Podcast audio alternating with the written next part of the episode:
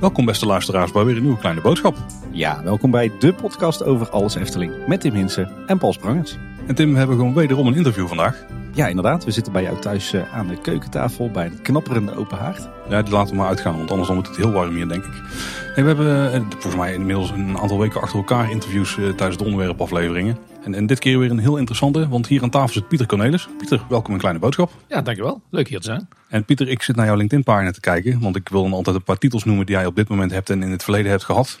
en ik ga mijn best doen, want dat zijn er nogal. Uh, op dit moment ben je Project Strategy Director bij Joravision.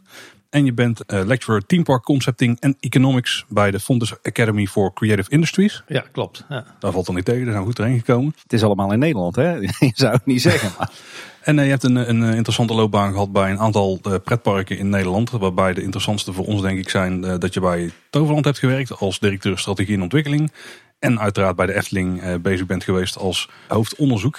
En je bent altijd wel bezig geweest in het onderwijs. Met lesgeven en doseren volgens mij. Ja, klopt. Ja, als ik, het onderwijs, dan ben ik al vanaf ergens midden jaren 90 actief.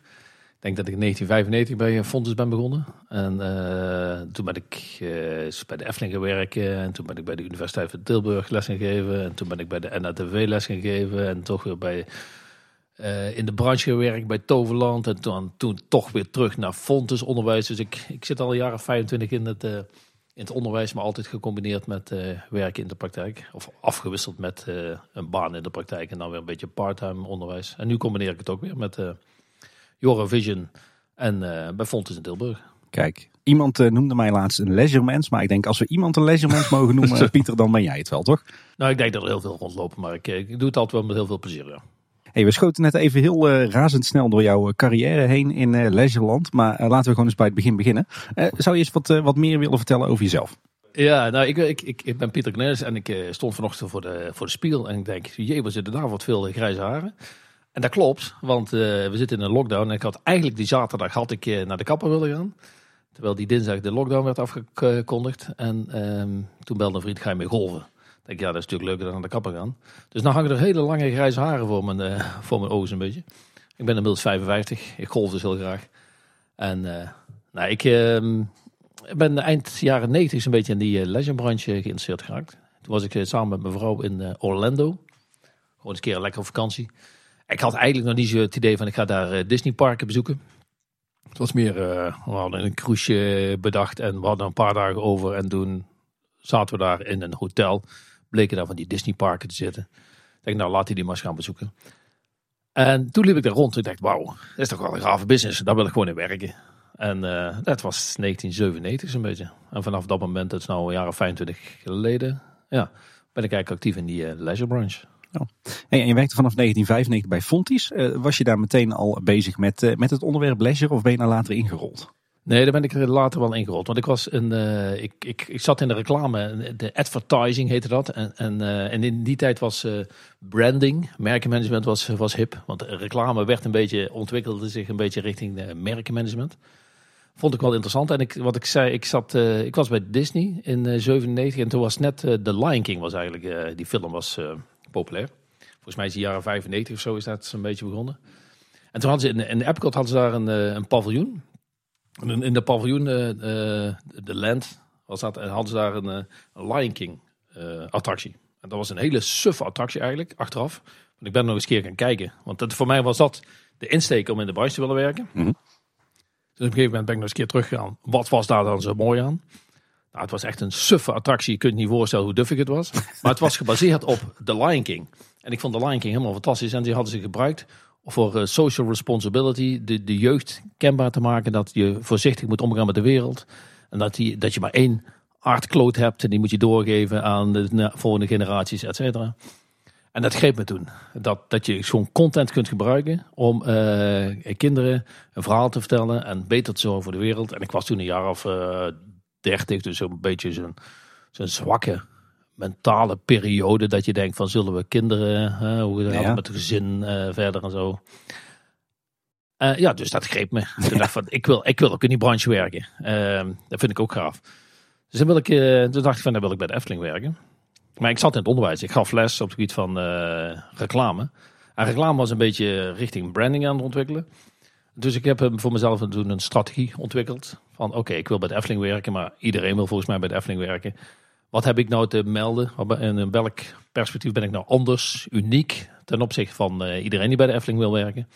Dacht, nou, als ik nou eens ga zorgen dat ik uh, op het gebied van branding wat meer te, te melden heb. En ik zorg dat ik vrije tijddeskundige word. En die dingen gecombineerd, dan heb ik volgens mij wel iets leuks voor de. Nou, dat, dat is niet in twee dagen geregeld. Daar heb ik al een paar jaar voor nodig. Maar daar heb ik al een stipje op de horizon. Mhm. En ik geloof vroeger altijd wel een stipje op de horizon hebben. Dus toen ben ik eh, eerst branding gaan, uh, gaan studeren. En dat paste mooi natuurlijk bij, uh, bij het onderwijs van Fontes. Want ja, het ging van reclame naar merkenmanagement. Dus bij Fontes vond ze ook wel prima dat ik me in die hoek ging ontwikkelen. En nou, dat heb ik eerst gedaan. Daar heb ik nog jarenlang merkenmanagement en dat soort zaken gegeven. En toen ben ik uh, vrije tijdwetenschappen gaan studeren op de Universiteit van Tilburg. Dat deed ik in mijn, een beetje in mijn vrije tijd. Daarnaast dus. Ik werd bij Fontes werd gewoon uh, vrij groot. Dat ik, ik moest lesgeven van, van 9 tot 11 en dan had ik om half 12 een college op de universiteit. En dan om drie uur moest ik weer lesgeven bij Fontes. Zo heb ik dat uh, gecombineerd een aantal jaar. Jij race op jouw fietsje op en neer door Tilburg heen? Nou, ik, ik gaf les in uh, Eindhoven. Dus ik oh. was toch meer met de auto. Uh, ja, snap ik. Over die A58 op de linkerbaan vooral. maar ja, dat was een hele drukke periode. Maar toen heb ik uiteindelijk had ik vrije tijdwetenschappen had ik afgerond. En toen, ja, toen dacht ik, ja, nou heb ik mijn papiertjes om bij de Efteling aan te kloppen. En was dat een vacature of was het een open sollicitatie? Nee, ja, er was geen vacature. Dat was een beetje te frustrerend. Dus ik denk, ja, jarenlang bezig geweest, hard gewerkt om nou die stip aan de horizon te realiseren. Dus ik belde Efteling op. Uh, ik zei, ik wil bij jullie komen werken. Ja, dat wilde wel meer, uh, maar daar hebben we niet echt werk voor. Zeg, ja, wacht even, maar dat was niet de bedoeling, want ik heb daar gewoon jarenlang heb ik daar naartoe gewerkt.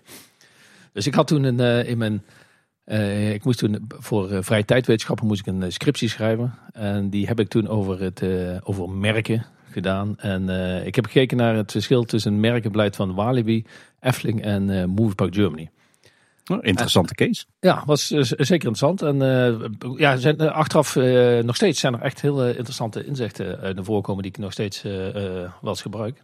Nou, noem er eens eentje of twee. Nou ja, dat, de een, een ervan is dat als je gaat kijken naar de, de, de merkenfuncties, dan is een van de belangrijkste merkenfuncties is, is de zekerheidsfunctie. En dat, dat is eigenlijk een beetje een ondergesneeuwd principe of een ondergesneeuwde functie.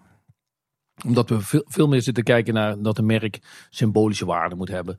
Uh, en, en, die kun je dan onderverdelen, intrinsiek, extrinsiek. En uh, je kunt op allerlei fantastisch spannende manieren naar kijken. Maar de zekerheidsfunctie is gewoon, doet een merk wat het belooft dat het doet. En in mijn optiek is uh, de beste definitie van een merk is a promise made and kept. En dus de Efteling belooft iets en dan moet ze aan voldoen. En um, het blijkt dat dat voor de consument uh, veel belangrijker is dan al, dat, al die toeters en bellen en al dat mooie symbolen. En gewoon uh, die, die zekerheidsfunctie.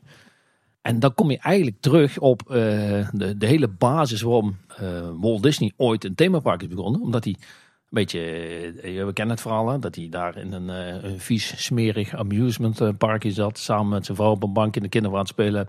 En het was er niet sfeervol en het was er niet schoon en netjes en hij voelde het, het niet veilig. En daar is hij aan gaan werken. En als je nu gaat kijken wat de succesfactoren van themaparken zijn, dan, uh, dan is dat, zijn alle dingen, thematisering en, en nou, we kunnen allerlei zaken nog eens uh, straks gaan benoemen. Maar een van de belangrijke zaken is gewoon die, die, die zekerheid, uh, veiligheid, safety, security, cleanliness, courtesy cleanliness, nou ja, dat soort zaken. Echt wat we eigenlijk dissatisfiers zouden noemen. Je zou eigenlijk zeggen, mensen komen niet naar een themapark omdat ze wc's hebben. Want dat zou een beetje raar zijn. Ja. we gaan naar de Efteling, want ze hebben daar wc's. Maar eh, op het moment dat ze er niet zijn, of niet op orde zijn, zijn mensen er ontevreden over. Dus je hebt dat verschil tussen satisfiers en dissatisfiers. En satisfiers zijn dingen waardoor mensen zeggen, ja, ik had het niet verwacht en ze hebben het, wauw, dat is gaaf. En dissatisfiers zijn die dingen waarvan mensen eigenlijk verwachten dat ze op een bepaald niveau zijn. Als ze niet zijn, zijn ze ontevreden. En we, we zijn heel vaak bezig met ons te profileren en te positioneren op die satisfiers op die zaken die onderscheidend zijn en die, waarmee we kunnen, kunnen scoren. En we besteden te weinig aandacht aan die, aan die dissatisfiers. En wat nou blijkt is dus uh, dat die dissatisfiers dat die eigenlijk veel belangrijker zijn dan we altijd uh, dan, we eigenlijk uh, zouden willen of zouden hopen. Of ja, we vinden het niet sexy genoeg om daarmee bezig te zijn of zo als, als marketeers. En, mensen op de, de, de merkenafdelingen en de marketingcommunicatieafdelingen. Terwijl ja, dat wel uh, de, de essentie is waar het om gaat. Dus die zekerheidsfunctie. Dus als ik het moet zeg maar een beetje mag vertalen, dan uh, zijn we allemaal heel erg bezig met die nieuwe achtbaan en dat nieuwe sprookje. Terwijl we eigenlijk ook bezig zouden moeten zijn met uh, zien de toiletten er wel netjes uit, is het horeca aanbod wel goed en op kwaliteit is personeel wel aardig. Tim, je moet het onderwijs gaan. Jij kunt het gewoon simpel vertellen. daar heb ik dan zo'n lang verhaal van nodig. Nou, in essentie komt het daar gewoon op neer. Ja. ja nou ja, klinkt wel uh, herkenbaar. Ik denk, uh, wij, je had het net over jou, uh, de, de jaren waarin je dertig was en een beetje een, een zacht gekookt eitje. Nou ja, wij zijn natuurlijk zelf nu, zitten we in die fase. En inderdaad, ik ga het liefst met mijn kinderen toch naar een park waar ik, waarvan ik weet dat ze, dat ze er veilig kunnen rondlopen en niet in het water vallen. En, en dat we niet lastig worden gevallen door een horde jongeren. Dus ja, er zit zeker wat in. Ja, ja, dat is gewoon de basis die, die echt op orde moet zijn. En um, ja, ik denk dat veel parken zich er wel van bewust zijn, maar dat ze het te weinig echt laten doordringen van wat het werkelijk belang van is. Want ja, dat bleek toen uit dat onderzoek dat het, die zekerheidsfunctie van de merk, dat dat toch wel uh, cruciaal is. Oké, maar toen klopte jij dus bij, uh, bij de Efteling aan. En was dat zo 1, 2, 3 gepiept dat je daar uh, binnenkwam en een, uh, een uh, arbeidscontract kreeg? Nou, het binnenkomen nog wel. Dat arbeidscontract dat had ik een, een extra stapje voor nodig. Want ik, ik benaderde toen Henk Groene. Die, had ik, ook al, die was toen hoofd marketing communicatie. Ja, in die tijd nog hoofd communicatie. Later is hij ook marketing erbij gaan doen. En Henk had me toen ook geholpen met mijn onderzoek voor mijn scriptie. Ik had een vragenlijst opgesteld, dus een keer voorgelegd van uh, past dit bij, uh, bij de Efteling. Dus ik uh, belde Henk, ik ben klaar met mijn onderzoek, uh, mag ik eens komen presteren? En nou, dat heb ik toen gedaan. Dus ik ben naar Kaatsheuvel gegaan, mijn resultaten gepresenteerd aan Henk. En ja, interessant, boeiend. Um, zei ja, nou, dat is fijn te horen. en nu? maar ik heb dit gedaan omdat ik bij de Efteling wil werken. Zei ja, het, het, op zich is hartstikke interessant. Ik vind dit een interessant onderwerp. Daar moeten we echt meer mee doen. Zeg maar, ik, wij hebben op dit moment geen uh, functie in die, uh, in die hoek. Ja, en toen dacht ik, uh, dat snap ik natuurlijk. Maar mijn doel is om bij de Efteling te werken. En dat is die stip op de horizon. Die, droom moet ik niet laten schieten. Dan moet ik mijn strategie aanpassen. Maar ik heb wel het idee van als je een droom hebt, een bepaalde, een bepaalde missie jezelf opgelegd. Ja, dan moet je je strategie aanpassen en niet die droom laten varen. Dus toen dacht ik, is er dan geen andere weg? Ik was uh, cum geslaagd bij uh, vrije tijdwetenschappen. En uh, de, mijn eerste professor, professor Bekkers, die, uh, die had voor het eerst in zijn leven had een keer een tien gegeven voor een tentamen. En dat was aan mij. En, en toen zei hij, ja, netjes. Ja, nee, dat was, dat was inderdaad netjes. Ja, dat was, was ook een verhaal. Want ik was, ik was wel ouder natuurlijk toen ik begon met studeren aan de universiteit. Want ik was een jaar of dertig. Dat zat allemaal van die broekjes van 18, 19. Dus ik kom daar in de collegezaal. Er zitten er honderd van die, uh, ja, van die van de jeugd van 18, 19, 20. Een paar iets ouder. En dan zat Pieter Cornelis met, ik was 32 of zo. Ik denk, uh, en dan hadden we het eerst tentamen. Ik denk, ik moet, ik moet niet afgaan. Het zou toch wel zijn als ik nou gewoon het eerste tentamen dadelijk gewoon... Uh, dus ik heb geleerd, jongens, een dolle. Gewoon veel te veel. En echt, ik, al, al, ik kan het boek nog steeds dromen. Echt woordelijk. Dus we kregen tentamen. Ik was gewoon helemaal gefrustreerd, want ik, ik kon mijn kennis niet kwijt. Ik, wist zo, ik, ik had zoveel geleerd en ik, ik mocht maar tien vragen antwoorden. Uh, maar toen werden de cijfers bekendgemaakt en toen uh, was er een tien bij. Dat was ik dan. En toen kwam uh, professor Bekkers naar me toe en zei: Ja, ik heb nog nooit in mijn leven een tien gegeven. Um, maar je hebt hem verdiend. Maar weet je, moet je wel beloven dat je cum laude afstudeert. Dat je nou ook je best gaat doen. Ik zei: Nou, dat ga ik doen. en nou, dat heb ik dus ook gedaan. En toen ik dat zo het laatste jaar zat, toen kwam op een gegeven moment de vraag of ik geen zin had om te promoveren bij, uh, bij de universiteit en dan lesgeven mm op de universiteit. Ik zei ja, vind ik wel gaaf, lijkt me gaaf, maar ik wil bij de Efteling werken. Uh, dat is eigenlijk mijn doel, daarom ben ik hier aan het studeren. Um, maar dat ging dus even niet door, omdat uh, bij de Efteling was er geen functie. En toen dacht ik, misschien is dat promoveren is nog wel een, een mogelijkheid, een, een insteek om bij de Efteling alsnog een soort van in de, in de, in de rebound alsnog bij de Efteling binnen te komen. De aanhouder wint. Ja, Dacht ik ook. Dus ik eh, ben eens met de, de, universiteit gaan praten van hoe zou dat dan kunnen ze promoveren. En kan ik ook eh, eh, als externe promoveren. Dus niet dat ik bij jullie op de payroll kom, maar dat ik gewoon bijvoorbeeld bij Fontes blijf werken. Wat ik op dat moment nog deed. Dat ik dan ondertussen mijn promotie ga doen. En dat ik dan als case voor de Efteling aan de slag ga. Nou, dat, dat, dat, dat bestond wel een mogelijkheid. Dus dat zijn we eens gaan, verder gaan, gaan onderzoeken. En na een paar maanden was ik eruit hoe ik het ging doen. Ik wilde gaan eh, promoveren op het merkenbeleid van de Efteling. Dat leek me wel gaaf. Dus ik had een eerste idee, een richting waar ik dan uh, dacht dat wel eh, interesse zou kunnen zijn. Dus ik stuur een mailtje naar Olaf Vux. Die was toen eh, directeur park was hij. Ja, hij hield zich bezig met, eh, met, met merken. Je moest eigenlijk bij Olaf zijn. Dat was wel de naam waar je altijd terecht moest als je bij de Efteling iets wilde eh, realiseren. Ja, hij heeft toen ook volgens mij de afdeling eh, brand development opgezet. Ja, dat is later geweest. Dat is in de tijd dat ik daar werkte en dat gaandeweg eh is dat ontstaan. Ja. Dus ik, bel, ik mail naar de Efteling. Krijg ik eh, reactie van, van Meike. De secretaresse krijg ik terug van... ja, we krijgen heel veel mailtjes, dus dan zal geen, we komen er nog op terug. Ik denk, nou prima. Eh, maar ik word, eh, eh, twee uur later word ik gebeld door dezelfde Meike. Zei, ik heb het aan Olaf voorgelegd en hij wil jou spreken. Ik zei, nou mooi, fijn, dan kom ik langs. Zeg maar wanneer? Ja, morgen. Ja, morgen is zaterdag. Ja, dat weet ik. hij heeft parkdienst, dus morgen is hij er. Kom morgen maar langs. Dus ik zat zaterdagochtend om eh 9 uur zat ik bij Olaf aan zijn kantoortje. En eh, hij had daar een stapeltje eh, artikeltjes liggen over, eh, over branding.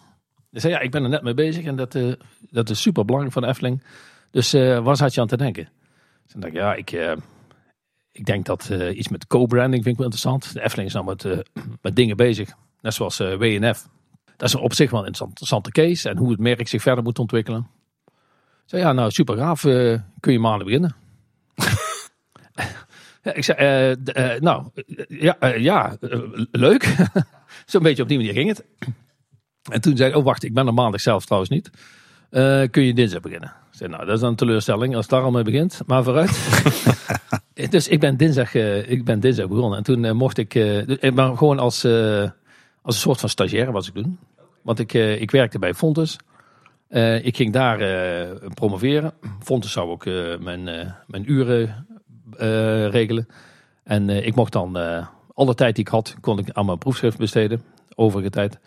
Ik mocht bij de Efteling toen eh, alle vergaderingen bijwonen, alle data kregen, alle documenten. En, eh, en toen ben ik die dinsdag begonnen. was meteen een eh, managementvergadering waar ik bij mocht zitten. En eh, werd ik geïntroduceerd als eh, deze meneer gaat zich, ja jongen denk dat ze nog zeiden, deze jongen gaat zich bezighouden met, eh, met eh, onderzoek naar het eh, merk, de Efteling.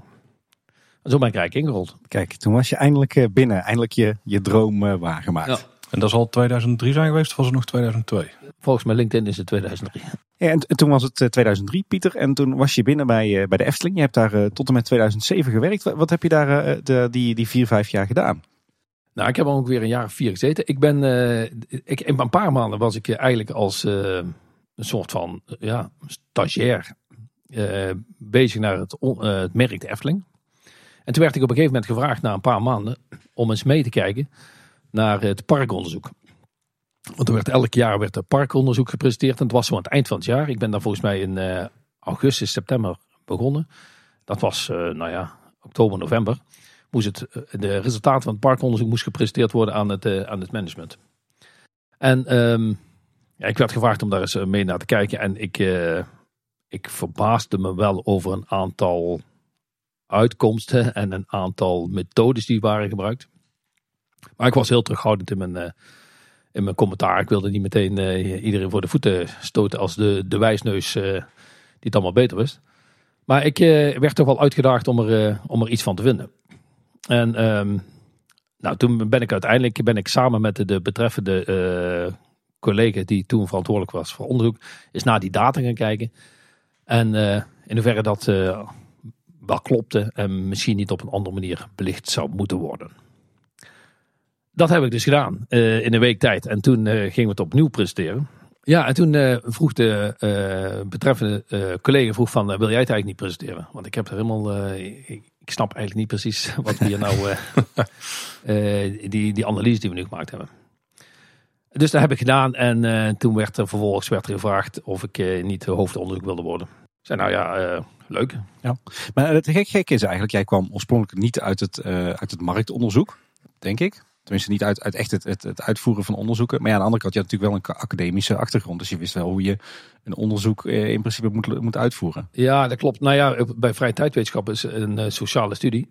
Ik heb tien modules eh, eh, onderzoek gehad. Eh, op, ja, op een gegeven moment werd ik ook een beetje moe van. Denk, oh ja, we hebben weer onderzoek nummer 10. Maar uiteindelijk is dat wel super fijn geweest. Ik ging vrije tijdwetenschap studeren omdat ik geïnteresseerd was in die vrije tijd. Eh, daar heb ik een aantal modules in gehad. Die vond ik super gaaf. Ehm, en voor de rest was het heel veel onderzoek, onderzoek, onderzoek. Van hoe moet je, eh, nou ja, uh, allerlei, allerlei vormen van statistische analyses. kwantitatief onderzoek, kwalitatief onderzoek. Het valideren van vragenlijsten. Daar gaan ze maar door. Dus um, ja, en gaandeweg merkte ik, onderzoek is eigenlijk wel super gaaf. Ik, ik zag het beetje, op een gegeven moment kregen we een dataset van het tijdsbestedingsonderzoek. Er wordt elke, of tijdbudgetonderzoek geloof ik dat heet. Er wordt elk jaar, uh, elke eens in de zoveel jaar wordt onderzoek gedaan in Nederland naar hoe mensen hun vrije tijd besteden. En een heel batterij aan data. En toen, dat zat in een uh, SPSS bestand. Dat is zo'n data, een programma voor statistische analyses. En wij moesten daar, we kregen een vraag, een centrale vraag gesteld. En we moesten wat gaan onderzoeken. En uh, we waren in groepjes van, uh, van twee personen. En we zaten met, uh, volgens mij met 13 man in de klas. Dus er waren 15 verschillende mensen waren bezig met diezelfde dataset. En dezelfde vraagstelling. En er kwamen allerlei andere uitkomsten uit. En dacht, hé, dat is gaaf. Het is net alsof je een berg aan het beklimmen bent. En probeert die top van de berg. Er zijn meerdere mogelijkheden om daar te komen. Is toch wel gaaf wat je met data kunt doen. Dus op dat moment raakte ik toch wel een beetje ja, echt geïntegreerd in hoe je met, met goede data en goede onderzoeken kunt omgaan. Ja. Dus je bent eh, de afdeling eh, onderzoek begonnen bij de Efteling. Of, of die bestond al, maar die heb jij eigenlijk eh, nieuw leven ingeblazen. Um, wat ik me altijd heb afgevraagd, wat, wat, wat doe je als afdeling onderzoek bij een, een pretpark als de Efteling? Ja, dat voel ik me ook af. Uh, want er gebeurde eigenlijk niet zoveel, vond ik eerlijk gezegd. Er werd uh, uh, drie keer per jaar werd er een, een, een onderzoek gedaan. Dat heette een parkonderzoek, dat werd uitbesteed. Daar kwamen externen, die kwamen dan één week in het park. Het voorjaar, hoogseizoen en het naseizoen. Kwamen ze wat uh, enquêtes afnemen. En dat werd dan gerapporteerd aan de, de onderzoeksafdeling. En die deed er dan eens mee. Die, die presenteerde dat dan volgens weer aan uh, het management en directie. En dacht van, hoe moet je daar toch zo'n hele, hele week mee bezig zijn? Dus ik zei toen tegen Olaf, van ja, ik kan naar werk, kan ik ook wel in twee dagen. Nou, dat hoorde hij natuurlijk graag. Ja, dan hoef ik geen fulltime aanstelling te hebben. En, en uh, dacht, ja, daar kan ik bij Fonds blijven werken, want dat vind ik leuk. Ik vind onderwijs vind ik echt super gaaf, we bezig zijn. En combineerd met Efteling. Ja, die combinatie is misschien wel uh, ideaal. Maar ik denk dat ik in twee dagen kan. En terwijl ik dat zei, dacht nou nee, ja, maar ik wil wat, wat dingetjes uitbreiden naar drie dagen. Dus ik zou in principe in eerste instantie ook drie dagen dan uh, bij bij de Efteling gaan werken. En dan nog een dag of twee, drie in het onderwijs. Ik tel meer in termen van uren. Er passen meer uren in de week dan dagen. Dus uh, vijf dagen is, of, uh, is 40 uur, maar je kunt ook wel 50 uur werken, dacht ik. En dan past dat, kan dat ook wel. Dus ik zou, ik zou dat gaan doen. Maar daar komt ik, ik, ik, de reden dat ik dacht van hoe kun je daar toch een hele week mee bezig zijn, is omdat ik de eerste keer toen ik die analyses bekeek, toen toen kwam ik op die, op die, op die kamer. Dat was trouwens de oude kamer van Tom van der Ven nog. Waar toen uh, uh, hoofdonderzoek zat. De markt, marktmanager van die tijd. Die had er allerlei flip-overs liggen met, met cijfertjes. En ik zeg, ik ben hier toch aan het doen? Ja, ik ben aan het kijken of er verschil is tussen mannen en vrouwen met hoe ze de attracties waarderen. Ik zeg, oh, dat is super interessant. Dat zijn inderdaad interessante analyses om van, van die kruistabellen te maken. En ik wil naar kijken naar leeftijd. Ja, dat heb ik hier gedaan. Er weer drie flip-overs bij, helemaal volgetekend.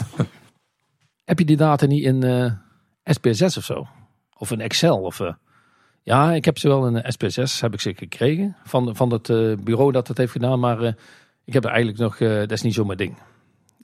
dus ik zeg, mag er eens naar kijken. Dus wij achter het scherm. SPSS stond dan op de computer programma geopend. Ik zeg wel, nou weet, ja, verschil tussen man en vrouw met die uh, attracties. Zeg dat tik, tik, tik, tik, dat is uh, uh, 6,3 versus 6,4. Nou ja, het zou, waarschijnlijk 8,3, 8,4 geweest zijn, hè, eh, Efteling kennende. Ik weet de cijfers niet meer. Maar uh, met, gewoon met één druk op de knop zag je dat resultaat. Toen gebeurde er wel iets, want die dame die had daar gewoon twee dagen zitten flip over. Alles zitten uittekenen. En er zat ook nog een, er zat ook nog een verschilletje in, achter de komma. En ze zeggen, ja, en deze is ook echt helemaal mijn werk eigenlijk niet. En ik vind het niet leuk. Ja, ik vond de Efteling leuk, maar ik wil gewoon andere leuke dingen doen. En ik ben veel meer marketing en creatief dan met cijfers bezig zijn. En, uh, ja, en zo gaande is het dus... Uh, kwam toen de vraag van, uh, nou ja, is het niet beter dat jij het gaat presenteren? Dat ik eens ga kijken of ik ergens anders aan de slag ga. En, en ze heeft heel snel iets leuks gewonnen en heeft het ontzettend naar de zin gehad. En zo ben ik eigenlijk toen, toen ingerold. Maar toen dacht ik van ja, als je, als je inderdaad, als dit het onderzoek is wat je nu doet ja, die analyses heb je vrij snel gemaakt. Maar er zit natuurlijk veel meer zijn veel meer mogelijkheden bij de Efteling om onderzoek te doen. Dus mijn eerste taak die ik mezelf had opgelegd, zei ja, maar ik wil dat parkonderzoek wil ik gewoon verbeteren. Want ik heb het idee dat dat, zoals het nu gaat, dat dat niet goed is.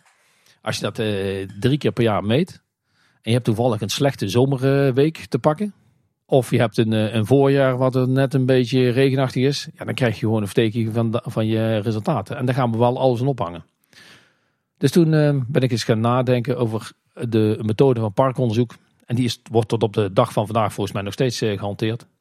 Ik heb een paar, eh, een paar eh, beslissingen genomen eigenlijk. De eerste was een steekproeftrekking. Dus ik, ik dacht van ja, eh, ik wil gewoon dat er een, een A-select is, steekproef.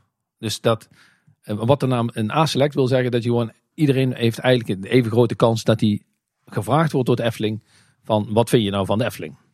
Dat was natuurlijk met die, die mensen die in het park dat onderzoek deden, in het voorjaar, hoogseizoen en naseizoen, was het niet het geval. Want die stonden daar op het uh, met hun iPadje. En er kwam er een eh, gezinnetje voorbij en zei, mag ik u eens vragen? Ja, natuurlijk mag ik u eens vragen. Nou, eh, nou, er kwamen een aantal vragen voorbij of wat ze van de Efteling vonden. En eh dan kwam er weer iemand voorbij. En dat was een beetje een Norse vent. En mag ik u eens vragen? Nee, liever niet. Oké. Nou, die mis je dan. En eigenlijk had je die Ja. willen vragen. Maar als het een paar keer gebeurt, dan denk je, ah, dat is een leuke zinnetje. Die, vra- die doen wel mee. Dus die, ga- die ga je vragen. En die Norse kerels, die sla je over. Ja, en ik weet ook nog wel uit die, uit die tijd, want ik, ik had er natuurlijk ook wel interesse in toen al. eh, dat eh, als ik dan zelf bijvoorbeeld rondliep eh, met, eh, met vrienden als een, eh, een tiener of begin twintiger, werd je ook niet gevraagd. Want ja, voor je gevoel werden inderdaad alleen die gezinnetjes met papa, mama en twee kindjes gevraagd. Dus ook mijn mening telde toen eigenlijk niet. Nee, nee klopt. Ja, dat, en dat is natuurlijk dat is niet juist als je een beeld wilt hebben van de Efteling. Nee. Dus dat was eigenlijk wel mijn eerste zorg. Van, kunnen we niet een methode vinden dat we op een aselecte wijze mensen benaderen? Toen dacht ik, als we nou eens bij de entree gewoon elke honderdste bezoeker of elke vijftigste bezoeker gewoon vragen of ze wilden deelnemen. Dus we zetten een tellertje neer en dan komen er 50 langs. Dan gaat gewoon een lampje branden, een bel. En iedereen bij de entree ziet, hé, daar komt, eh, ik, moet een, ik moet deze mensen vragen. Dan geven die mensen een kaartje. En op de kaartje staat een unieke code. En met die code kunnen ze s'avonds op internet gaan kijken. Eh, kunnen ze vragenlijst gaan invullen. Nou, dat zijn we gaan doen. En daarmee hadden we dus een A-selecte steekproef. Het voordeel was ook dat we een veel grotere steekproef hadden. Want we hadden gewoon eh, op maandbasis hadden we duizenden respondenten. Dus vanaf het moment dat we dat zijn gaan doen, hadden we meteen de volgende maand hadden we 2000 respondenten waarvan we precies wisten wat ze van allerlei as- aspecten vonden. Ja, en ik kan me ook herinneren dat volgens mij als een soort van eh, eh, trigger om het in te vullen, dat je dan ook kans maakte op eh, gratis kaartjes of gratis overnachting, iets in die geest, toch? Ja, klopt. We moesten natuurlijk wel zorgen dat die respons hoog was. Dus dat was een beetje zoeken van hoe krijgen we dat gerealiseerd. Want we wilden heel veel weten. We hadden ontzettend veel vragen, want ik, ben heel nieuwsgierig. Dus ik wil echt hem van het lijf vragen. Maar denk, ja, om mensen nou een half uur eh, vragenlijst te laten invullen, dan moeten ze misschien wel iets voor terugkrijgen. Dus we hadden een eh, overnachting in het Efteling Hotel, werd elke maand verloot met vier, eh, voor, een zin van vier met vrijkaartjes. Ja, en dat hielp inderdaad om de respons omhoog te krijgen.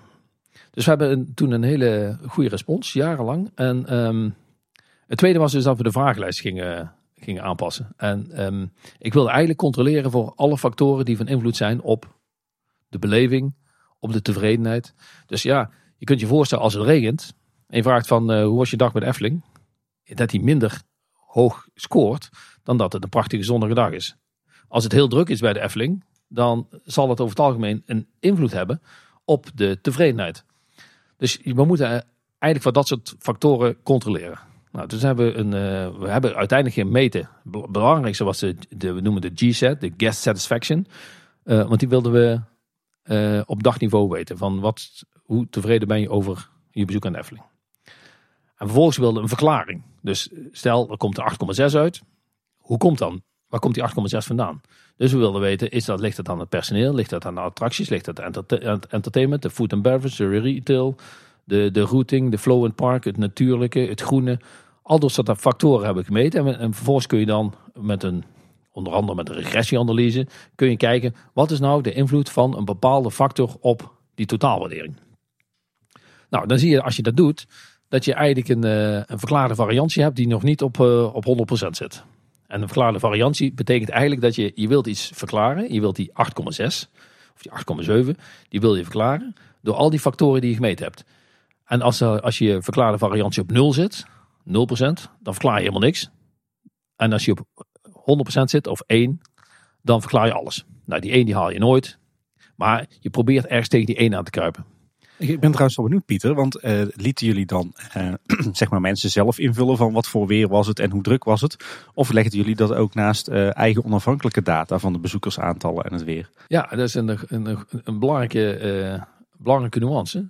We, we, hebben het allebei gedaan. Dus we hebben gekeken naar de perceptie, we hebben gekeken naar de werkelijkheid. Mm, ja. Dus we hebben gekeken van, het is een, hoe druk vond u de Efteling? Nou, dan kon ze aangeven, minder druk, veel minder druk dan verwacht druk, minder druk dan verwacht, gelijk, et cetera, op een vijfpuntschaal. We hebben ook gekeken naar hoe lang heeft hij erover gedaan om bij de Efteling te komen. Langer, veel korter, veel langer dan gedacht. Langer, gelijk, korter, veel korter. Dus, um, en dat heb ik gelegd naar de uh, indeling van hoeveel bezoekers hadden we op die dag. Dus zou een dag met 5000 bezoekers, 10.000, 15, et cetera. En dan konden we daar een mooie analyse van maken. En dan zagen we ook, naarmate het drukker wordt, zien we dat die dus we kunnen op basis van objectieve data, de drukte in het park, kunnen kijken hoe de gasttevredenheid zich uh, ontwikkelt. Maar we kunnen op basis van subjectief, hoe, hoe gasten het beleefd hebben. Ja, en toen zagen we dat die verklaarde variantie dat die eh, steeds hoger wordt. Dus we zijn eigenlijk aan de knopjes gaan, gaan schuiven om een steeds beter inzicht te krijgen in wat nou het werkelijke effect is van al die verschillende factoren op de tevredenheid van, van een gast ten aanzien van de Efteling. Een onderzoek doe je natuurlijk niet voor niks, want daar wil je uiteindelijk resultaat uit krijgen en wil ook dingen gaan verbeteren, neem ik aan. Wat waren nou een paar van de meest interessante uitslagen die je in die onderzoek hebt gevonden en wat zijn de zaken die ze hebben gedaan om die weg te nemen, die problemen die er misschien waren? Het, mooie was, en dat vond ik toen wel heel gaaf, dat uh, het werd echt heel serieus genomen. We hadden gewoon nu een, een valide en betrouwbaar onderzoek. Wat we elke maand uh, presenteerden aan uh, kleine stafparken en grote stafparken. We hadden een aantal management team samenstellingen. En de kleine stafpark waren met een man of tien. En de grote staf waren met een man of 20, 25. En in de grote stafpark zaten onder andere de rijke managers. En de horeca manager en de retail manager, et cetera. Dus elke maand werd dat gepresenteerd. Er werden een aantal highlights uitgelicht. En het werd vergeleken met de maand ervoor. En na verloop van tijd ook het jaar ervoor. Dus we konden precies zien hoe uh, mei zich ten opzichte van april had ontwikkeld. Maar we kunnen ook zien hoe mei zich 2004 zich had ontwikkeld ten opzichte van mei 2003. En dan zie je een bepaalde trend, een bepaalde ontwikkeling. En als je dan ziet dat een, uh, de waardering van een bepaald rijk, dat die onder druk staat, dat die lager is, werd de vraag gesteld aan uh, bijvoorbeeld Frans Goenet, rijke manager maar rijk van uh, Frans, wat is hier aan de hand? Ik zou eens naar kunnen kijken. En zou eens met verbetervoorstellen kunnen komen. En die werden dan volgens weer opgenomen in het onderzoek. En gekeken of, uh, of dat inderdaad verbetering tot uh, stand bracht. Dus het was een soort van, uh, ja, een soort van equalizer. Hè? Zo van die knopjes ja. steeds verder aanschuiven totdat je een optimaal resultaat hebt. Maar daar konden dus ook in hele kleine dingen zitten. Dat zat vaak echt in, in hele kleine dingen. Ik weet nog dat wat elke keer bij de open opmerking terugkwam. Ja, je kunt het een, een, een klein ding, een kleine boodschap noemen.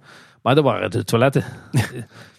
en we hebben dat ook maar elke keer weer geagendeerd. Elke keer maar weer opgenomen. Dus op een gegeven moment zei ja, dat weten we wel. Zei, ja, het komt eruit. Dus ik, eh, ik, ben, ik zit hier als een onafhankelijk, objectief persoon zit ik dat onderzoek te presenteren. Dus of je nou weet of niet, dit komt eruit en ik wil dat je het, uh, ja, dat je dat nog een keer weet. Maar dat kinderen moeten betalen voor de toiletten, dat, dat is als een, wat als een ontzettende vervelende factor binnen de Efteling beschouwd. En dat komt elke keer komt het weer opnieuw terug. Ja, op een gegeven moment is, uh, ik geloof dat Ronde van der zelf ook toen heeft besloten van, nou is het ook genoeg geweest. We stoppen met die, uh, met die schaaltjes. Je hoefde toen de tijd, je hoefde ook niet te betalen. Alleen ze stonden er en het voelde zo voor, uh, ja, en dan ben je een klein, ben je kinderen die gaan zijn op schoolreisje. En die hebben een, paar gulden euro's waren, hadden we toen al. Ja, ja, praat uit de oude doos. Maar in dit geval is het toch nog, hadden we euro's. Ja, die hebben een paar euro's meegegeven en die gaan dan geen 20 eurocent geven aan een toilet. En dan gaan ze wel in de bosjes staan. Of ze doen het in de broek, want ze, nou ja, dus uh, ja, dat, dat soort dingen kregen we steeds terug. Ja, en dat werd dan maar weer, uh, als, als kleine boodschap werd het ook gecommuniceerd. Maar wel mooi, want eigenlijk hadden jullie het, het parkonderzoek op een, op een heel hoog niveau. Het werd echt uh, academisch aangevlogen. Ik kan me voorstellen dat het best wel uniek was in de pretparksector toen. Ja, nou, het, we hadden het inderdaad uh, goed voor elkaar. Ik heb ook eens met, met Disney in Disneyland in Parijs gesproken. Nou, die hebben natuurlijk ook uitstekend voor elkaar. Maar veel andere parken, Nou, ik weet dat Europa Park had het ook mooi. Die had een eh, professor Fiesner, deed dat daar hun. Daar heb ik nog eens mee gesproken. Samen met uh, Michael Kreffenburn. Hebben we daar eens een keer gesprek gehad over hoe zij dat deden. die had toen gevraagd, kun je eens een keer meekijken naar hoe wij ons onderzoek doen. Um, omdat ik het toen een tijd eens een keer had uitgelegd wat wij aan het doen waren. En um, maar die deed het eigenlijk nog op dezelfde manier als dat de Efteling toen tijd deed. Uh, periodiek, dus niet uh, op een continue basis. Maar ze hadden wel een, een verdomd goede vragenlijst. Dus die vragenlijst was uh, prachtig gevalideerd. En die vragen die erin zaten, die waren echt betrouwbaar en valide. Alleen de methode, de steekproeftrekking, vond ik... nou, daar hebben we toen eens een interessante discussie over gehad. Maar de meeste parken die, hadden het nog een beetje op een houtje-touwtje manier. Ja. van nou ja, bevragen wat mensen ervan vinden en dan eens in zoveel tijd. En dat geeft dan een beeld en het is beter dan niks meten. Maar het kan gewoon beter. En zeker als je de grootste van Nederland bent en een van de grote van Europa, dan moet je zorgen dat je dat uh, uh, ja, optimaal doet. En dat hebben we in die tijd denk ik wel, uh, wel gedaan, ja. ja. Ja, ik meen mij ook te herinneren, want wij zaten toen samen eh, volgens mij op eh, één en dezelfde gang in eh, kantoor Vogelenzang. Daar kennen wij elkaar ook van. Dat jouw afdeling ook wel groeide, want jij deed het niet alleen. Hè? Op een gegeven moment kreeg je toch een paar medewerkers onder je. Ja, nou dat, dat ging al vrij snel, ja. Ik zei met mijn grote mond tegen Olaf, oh, dat kan ik wel in twee dagen. En, en toen dacht ik, oh, waar, drie dagen. Um, een dagje bijgesmoggeld, maar um, ja, gaandeweg. Het werd interessanter en interessanter. En ik, ik pik, ja, we pakten eigenlijk alles op wat er zich voordeed. En er is, valt zoveel te onderzoeken als je nieuwsgierig bent. Dus toen dacht ik van ja, maar ik wil eigenlijk wel onderzoek doen naar het entertainment. En kwam Jeroen Zwartjes naar me toe van ah, kun je niet eens een keer een, eh, een kwalitatief onderzoek doen naar wat mensen van entertainment vinden. En nou, op allerlei mogelijke manieren werd dat eigenlijk eh, groter en groter. En uh, toen dacht ik, ja, ik, ik werk bij Fontes. Ik heb natuurlijk hele goede studenten die daar, sta, die daar hebben, die willen afstuderen, stages lopen.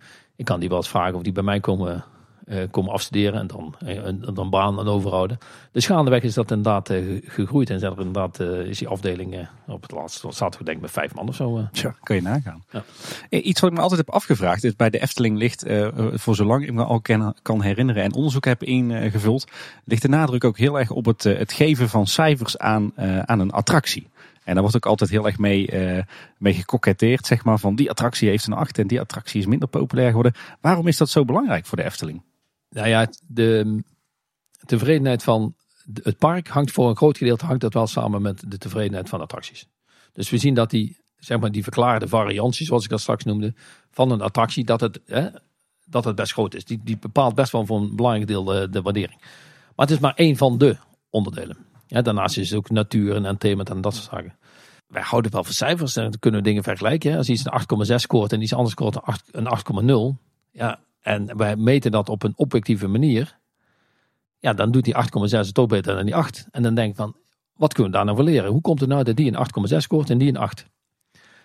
Dat is een vraag. Als je nieuwsgierig bent, is, is dat het interessant voor die 8,6 als zodanig? Ja, dat, is, uh, dat zegt eigenlijk niet zoveel. Maar het is vooral in de vergelijking met, met anderen en de vergelijking met het verleden, op een tijdshorizon, dat het uh, boeiend wordt.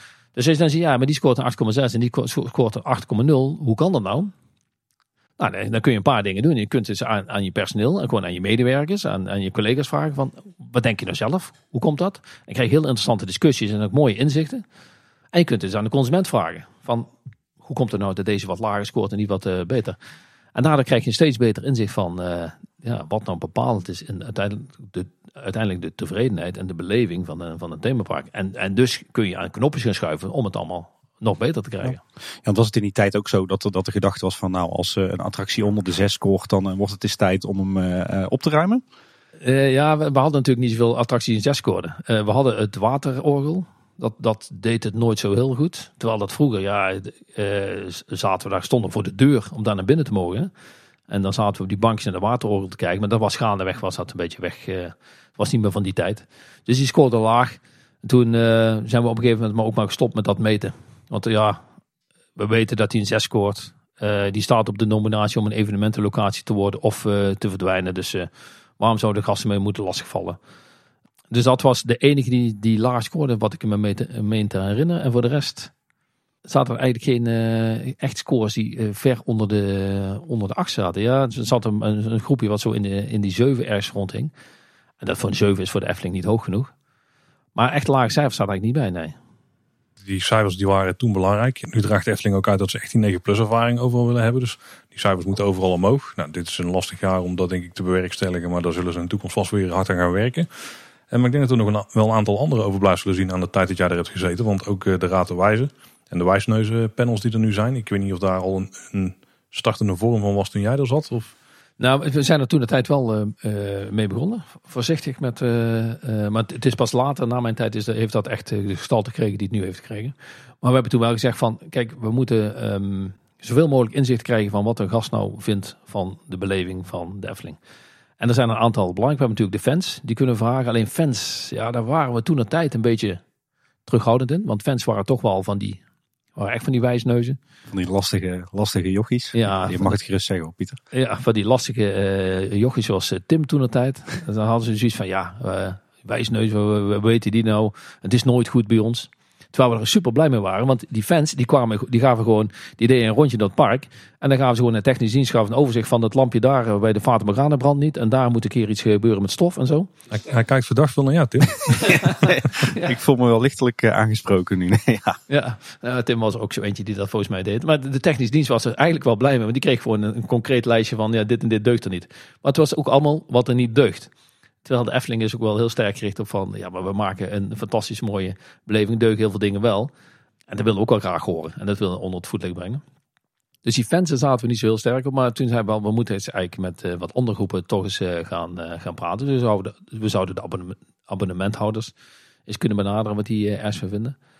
We zijn toen begonnen met kwalitatieve interviews, met focusgroepen, met, met gezinnen en wat kleinere kinderen. Om gaandeweg eens wat meer beeld te krijgen van, ja, wat leeft er nou bij jullie? En stel nou, en dat ging dan op een, ja, op een kinderlijke manier. Dat doe je toch op een andere manier onderzoek. Maar stel nou dat jij directeur was van de Efteling. Wat zou je dan veranderen? Ja, dan zou ik een... Nou, en dan kwamen allerlei spannende, interessante dingen uit. En dan gingen we dan doorpraten om te kijken of dat dan ook echt bij de Efteling paste. En hoe dat dan gestalte moest krijgen. Op die manier probeerde ook inzicht te krijgen in wat bepaalde deeldoelgroepen bezighield. Ja. en dat kwam natuurlijk ook wel een beetje door dat uh, jij begon inderdaad als, als eenling, maar naarmate jouw afdeling verder groeide, had je natuurlijk ook meer capaciteit, dus ook meer mogelijkheid om echt diepgaand onderzoek te doen. Ik denk dat jouw afdeling zichzelf eigenlijk uh, liet groeien in de loop der jaren. Ja, nou dat was, dat was natuurlijk ook een opmerking van Olaf. Zeg, dat is allemaal hartstikke mooi en dat is super interessant, maar ja, je kunt natuurlijk jezelf gewoon ook altijd bezighouden. ja. Dat, je moet je ook afvragen, zijn we onszelf nou niet te zeer aan het bezighouden? Want uh, op het moment dat je vijf mensen hebt zitten, en je hebt dus in de maandagochtend zo, we hebben nog ideeën voor wat we nog meer kunnen onderzoeken. Denk ja, misschien ben je nou een beetje aan het, aan het omdraaien. Je moeten kijken, waar zit de nieuwsgierigheid? Waar zitten echte punten waar we iets aan moeten doen? Waar we echt in geïnteresseerd zijn? Maar gaandeweg denk ik, ja, we zouden ook wel eens uh, naar uh, verblijfsaccommodatie kunnen kijken. Ja, nou, er was altijd wel oor bij uh, de directie om naar verblijfsaccommodatie te kijken.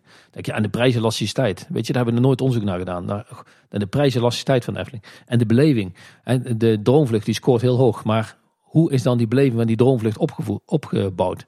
Dus zouden niet eens een, een, een onderzoek kunnen doen naar de emoties die zich in bepaalde scènes in droomvlucht voordoen. Nou ja, en, en de musicals. Nou, en zo kan ik door. Events, dat doen we trouwens ook. We hebben ook nog een golfpark. Nou ja, dus gaandeweg hebben die G-set, uh, die Guest Satisfaction onderzoek hebben op alle uh, business units van de Efteling toegepast. Dus bij, bij de golf, bij het theater, bij de musical, bij, bij de events, bij, uh, bij scholen. Zijn ja, scholen. Er komen hier hele bussen met scholen. Misschien moeten die scholen nog maar eens eventjes apart gaan, gaan meten. Nou, wel op onderzoek naar de scholen. En ja, voor je het weet je een, bijna een log aan het worden. En daar moet je wel voor waken, ja. En uh, Pieter, in, in al die jaren dat je bij de Efteling hebt gezeten, kan je nou eens wat, wat, wat zaken opnoemen waarvan je zegt van nou, dat ontdekten we in een onderzoek en daar uh, sloeg ik echt stel van achterover. Dat verraste me, die ja. uitkomst. Oh, uh, pff, ja, heel veel dingen. Echt. Um, zoveel ontdekt. Ik denk, gaaf man. daar heb ik tot op de dag van vandaag heb ik er gewoon plezier van, dat ik dat weet. Dat ik gewoon toen nieuwsgierig was, heb allemaal heb kunnen onderzoeken. Kijk, een van die dingen is natuurlijk de, de, wat er komt uit die klanttevredenheidsonderzoeken. Omdat dat een, gewoon een, een heel goed gedegen onderzoek was. Dat zijn uh, wat theoretische modellen. Ik gaf op die, in die tijd gaf ik ook nog les op de Universiteit van Tilburg. Twee vakken, beleving van vrije tijd en vrije tijd en marketing. En uh, toen liet de student ook altijd een beetje meedenken. En van, goh, die hebben we nou gedaan. Kan dat niet beter? Dan kreeg ze een opdrachtje. Ik gaf dat diensten, uh, vrije tijd en marketing. Maar dat ging op, aan de hand van het boek van Service Marketing van Zeithamel en Bittner. En die hebben een model, Surf Call heet dat. Bij, uh, bij uh, Surf gaat het om de verwachtingen versus de percepties. En waar het om draait is dat de, de tevredenheid, die hangt af van de kwaliteit. Daar is een bepaalde relatie tussen. Maar die hangt ook nog van allerlei andere factoren af. Dus dat hebben we in kaart gebracht. Maar behalve Surf Call heb je ook Surf Perf. betekent Service Performance Only. Je kunt ook gewoon alleen maar meten wat iemand ergens van vindt. Zonder dat je expliciet de, eh, de verwachtingen meet. Nou, daar zijn we allemaal mee wezen stoeien met die modellen. Uiteindelijk hebben we daar het beste model uit eh, ge- geventileerd. En dat heeft eh, eh, ja, heel veel inzicht opgeleverd, omdat we aan knoppen zijn gedraaid. Dus ik eigenlijk steeds beter kan, kan vaststellen waar nou die gasttevredenheid vandaan komt. Dus dat, dat was wel een heel waardevol iets. Maar wat ik eigenlijk wel een van de mooiste dingen vond, is ehm, ehm, de CIMET-onderzoeken. We hebben toen de tijd ehm, hebben we een keer een professor ontmoet. Professor Gerald Zaltman van eh, Harvard. Op zich trouwens ook nog wel grappig verhaal. Want die, die man die kwam een een presentatie geven in het Carouseltheater. Daar- We hadden de, de, de Zeeuwse en Brabantse eh, werkgeversvereniging had daar een, eh, een dag. De had eh, Nicole Scheffers had dat toen de tijd. eh, die was hoofd events. Die had weer een prachtig event eh, binnengehaald. Club van 100 man of zo. En eh, die gingen eh, eten en drinken en het park in. Maar die kregen ook een aantal lezingen. En eh, een van die lezingen was eh, eh, Ronald van der Zijl, toenmalig directievoorzitter. Die ging iets vertellen over hoe doet dan de Efteling onderzoek. Maar ze had ook eh, professor Zaltman. En die kwam uit Harvard. En die had onderzoek, een model ontwikkeld. Een methode waarmee je naar het onbewuste van mensen kunt kijken. Want hij zegt, kijk, 95% van onze mentale processen doet zich eigenlijk op een onbewust niveau voor. Maar wat we doen met onderzoek, we zitten altijd op die 5% te meten. En dat matcht vaak niet met het gedrag. Dus mensen zeggen vaak niet eh, wat ze voelen, omdat ze dat niet weten. En eh, gedrag komt niet overeen met wat ze zeggen dat ze voelen. Nou, er zijn allerlei mismatches. Dus je zou een methode moeten hebben waarmee je naar dat onbewuste kunt kijken. Nou, dus die Gerald Salman, die zat daar een verhaal te vertellen. Fantastisch verhaal. En ik zat in de zaal, want ik had voor Ronald had ik die presentatie gemaakt. Want eh, het ging over parkonderzoek. Dus Ronald zei, ik even mij even zijn presentatie maken. Dan doe ik hem wel presteren. Mag jij de vragen beantwoorden, daar als het moeilijk wordt. Zo gaat het dan. Ja, dus ik, eh, ik zat eh, in die zaal en die eh, Gerald Saltman die zat een verhaal te vertellen. Ik vond het fantastisch, want het ging allemaal over, eh, eh, ja, over dat onbewust, hoe dat werkte. Maar die rest van die zaal, dat, dat waren gewoon ondernemers uit Brabant en Zeeland. En die zaten gewoon op zijn mobieltje en zaten met elkaar te kletsen. En eh, gewoon zoals, zeg maar, nu ik bij Fontes werk, ik gewoon ervaar hoe met studenten naar mijn lessen Ja. luisteren. Zo zaten die, die, die, die werkgevers ook. Dus die Zalman die voelt zich steeds ongelukkiger worden. Je merkt gewoon, die, zat, die stond daar niet op zijn gemak. Die kwam helemaal uit Amerika. Kwam je verhaal vertellen. Ehm, en toen kwam Ronald van der Zijl. En die mocht een verhaal vertellen over parkonderzoek. Hoe dat ging. En dat was gewoon heel praktisch. Ja, bij meten en de droomvlucht die scoort een 9. Oh, gaaf. En hoe doe je dat dan? Nou, en al- allemaal op een hele simpele manier gecommuniceerd. Dus ja, dat vonden ze mooi. Ja, en die Zalman die stond daar maar een beetje, ja, je zag een beetje wegkwijnen. Toen was het pauze, dus eh, ik, eh, ik, ik mocht eh, naast hem eh, zitten voor wat vragen te beantwoorden. Maar er kwam ook er kwam geen enkele vraag aan hem. Dus, ehm, en eh, de vraag ging alleen maar over de Efteling. Dus toen was de, de, ehm, de, de pauze voorbij, de, de, de, de, de sessie. En toen sprak ik met Salman en toen stelde ik hem een vraag van... eh, ehm, ik had ooit een keer in een boek van Giep Fransen, Merkenmanagement... Er staat een hele kleine box, ja, nog, geen, nog geen pagina, over CMET uitgelegd. En eh, dat fascineerde mij ongelooflijk. Het ging over merkenmanagement en ik, ik was geïnteresseerd in merken. Maar ik, ik kreeg geen grip op die methode. Er was gewoon te weinig over bekend. Er werd een beetje geheimzinnig over gedaan. Dus ik eh, stelde na de, eh, na de sessie stelde ik een vraag van... Goh, hoe zit het nou met die, eh, verschil tussen die autonome processen en die strategische processen? En je zag eh, hem echt opleven en denk van... Gebeurt er nou echt dat iemand mij een inhoudelijke vraag stelt? Dus hij begon te vertellen. En eh, toen zijn we samen zijn we door het Sprookjesbos eh, gewandeld. Heb ik hem rondgeleid. En eh hebben we gewoon nog eh, anderhalf uur een fantastische tijd gehad. En toen zei ik, ja, ik ben eigenlijk bezig met een, een proefschrift. Want ja, dat verhaal had ik misschien nog niet verteld. Maar ik was bij de Efteling werken. en mijn proefschrift, dat was de insteek om met de te werken. Op een gegeven moment vroeg Olaf van, wil je niet verantwoordelijk worden voor onderzoek? Ik zei, nou, dat wil ik wel doen. Zegt, maar onder één voorwaarde, je blijft wel je proefschrift doen. Ik zei, ja, ja oké, ja, natuurlijk. Ja, nou, ja, weet je, dat boeiend. Missie geslaagd al. Missie, precies, missie geslaagd. Ik werk hier, dat was toch het doel. En ik doe wel zo af en toe alsof ik met dat proefschrift bezig ben. Maar ja, dat kun je niet altijd lang volhouden. Je moet toch af en toe een keer wat, eh, eh, wat laten zien aan voortgang. Dus ik, eh, ik was met die Zaltman aan het praten. Ik Zeg, ja, ik, ben, ik ben bezig met proefschrift. En dan gaat eigenlijk over, over merkenmanagement en of merken bij elkaar passen. En ik, ik meet dat inderdaad op een redelijk eh, ehm, redelijk rationele manier eh, op, op dat bewustzijn. Ik ben toch wel geïnteresseerd in eh, of we dat op een andere manier kunnen meten. Ze zei, nou, ik, ik zou je kunnen trainen in die, eh, in, die methode en die mag je dan voor je proefschrift gebruiken. Dus eh, zo gebeurde. Dus ik heb die methode geleerd. En dat, eh, ja, dat, is, dat is echt een waanzinnig mooie methode. Want met die methode eh, dat heb je diepte-interviews van, eh, van ongeveer twee, drie uur met mensen. En dan ga je op een hele stelselmatige manier, heel voorzichtig, tas je als het ware allerlei associatievelden in het brein tas je af. Het, het, eh, het idee, het, heet eh, ZMAT, Saltman, Saltman, zo heet die professor, Metaphor Elicitation Techniek. Dus je gaat als het ware, dat onbewuste ga je ontdekken door middel van metaforen.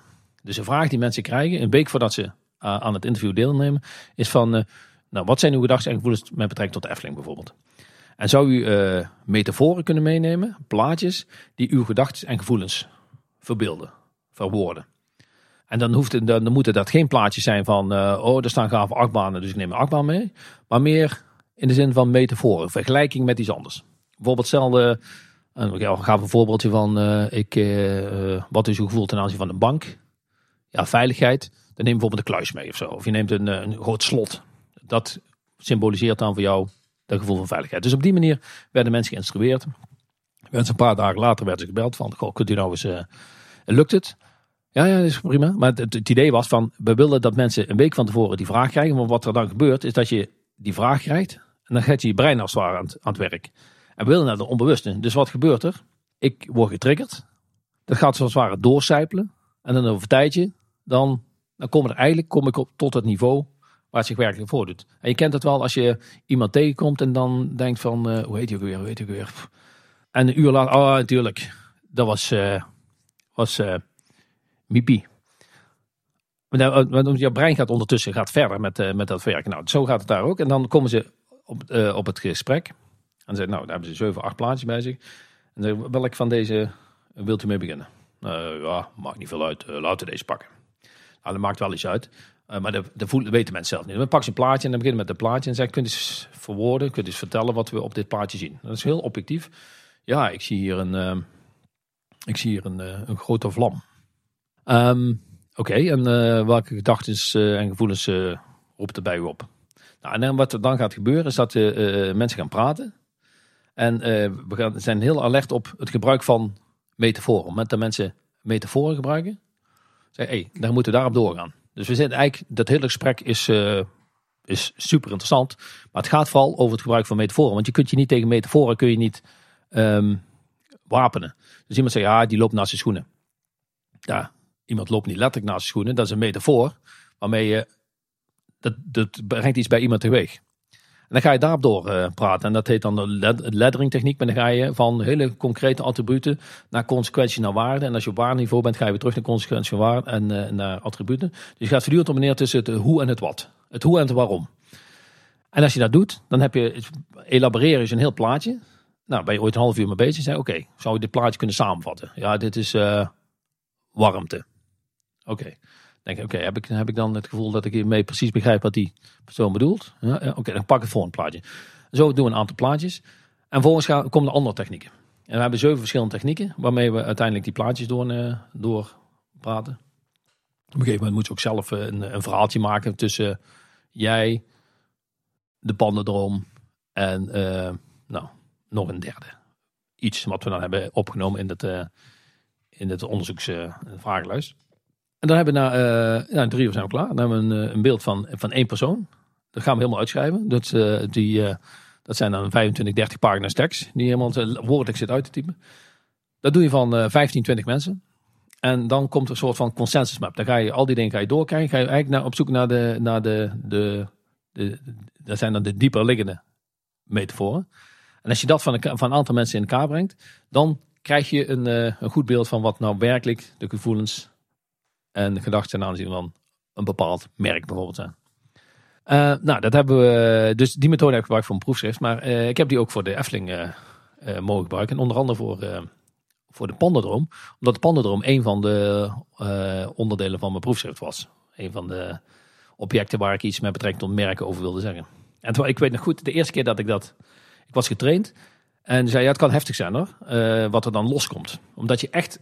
Je, Je zit op geen enkele manier te sturen. Je bent alleen maar bezig met proberen zo lang mogelijk die autonome processen van die consument te waarborgen. Dus je wilt voorkomen dat hij overgaat naar strategische processen. Dat hij gaat nadenken, dat hij sociaal-menselijk antwoorden gaat geven. Dus je wil eigenlijk dat die, de consument voortdurend in dat autonome proces, een soort van beekje wat maar gewoon uh, door, doorkabbelt en daar wil je grip op krijgen. Echt naar je eigen gevoel luisteren, zeg maar. Ja, precies. Je gaat echt naar dat gevoel, eh, op zoek naar dat gevoel. Maar wat, wat het, het betekent is dat mensen ook voor het eerst eigenlijk met, je zit gewoon met een wild vreemde sinds ze twee, drie uur over gevoelens te praten. Maar dat gaat op zo'n natuurlijke manier dat het echt teweeg brengt wat er leeft. En de eerste keer dat ik dat gesprek deed, had ik een, eh, een oudere vrouw. Tenminste, dat vond ik toen. Die vrouw was uh, volgens mij 53. Um, vond ik toen oud. nou zou ik denken, lekker jong ding. maar, um, en die vrouw die begon een kwartier begon die te huilen. Denkt, heb ik dan? ja. Zit ik hier voor mijn eerste, mijn eerste gesprek en... Uh, en aan het eind van het gesprek bedankt die vrouw me. Oh, dankjewel. Van zo fijn. Uh, ik, heb, ik heb zoveel geleerd. Dus mensen leren gewoon zelf heel veel, krijgen heel veel inzicht. Maar ja, het mooie is dat je daardoor een heel goed beeld krijgt van wat leeft nou echt. Waarbij we doen, uh, als je vraagt naar wat voor inzichten, ja, uh, dat de pannendroom, dat die niet bij de Efteling past. Uh, maar daar heb ik volgens mij al eens een keer eerder een mening over gegeven. Goed, goed om nou dat nou eens een keer bevestigd te, te horen worden door onafhankelijk en diepgaand onderzoek. Want dat hebben wij ook heel lang geroepen. Maar dan kreeg je toch vaak als reactie van ja, jullie fans zijn te negatief en, en jullie zijn te, te Jullie zijn te behoudend, maar dat kwam dus ook uit onderzoek. Ja, nou ja, het is zeker. Ik, ik, nou, ik heb er meer onderzoeken gedaan. Op een gegeven moment had ik, moest mezelf een beetje verwaken uh, dat ik niet te zeer een, uh, op zoek was naar uh, zelfverborgen paaseieren of zo. Van denk van, ik zit nou zo gefocust op die pandendrom en het moet en zal dat dat niet, dat eruit blijkt dat het niet past. Maar nee, ik had ook echt het idee dat daar iets mee aan de hand was. En dat was natuurlijk mijn eerste insteek van mijn proefschrift. Van, ik ben geïnteresseerd in het merk, ik ben geïnteresseerd in co-branding. Efteling en WNF is natuurlijk een interessant iets. Ja, en Efteling en WNF, dat matcht. Hè? Natuurpark de Efteling, WNF, daar zitten echt wel uh, matches. Bepaalde zorg. Maar ja, wat ik ook had gemerkt, dat is een ander onderzoek. Dat was eigenlijk de, dat was eigenlijk de eerste aanleiding. Ik constateerde, er is iets met de aan de hand. Ik had uit parkonderzoek, had ik, uh, we meten gewoon wat vind je van allerlei attracties. Op een gegeven moment uh, kun je daar analyse op maken. En een van de analyses die ik had gemaakt was een principale componentenanalyse met varimax rotatie. Nou, uh, dat klinkt heel spannend. Ja, zeker.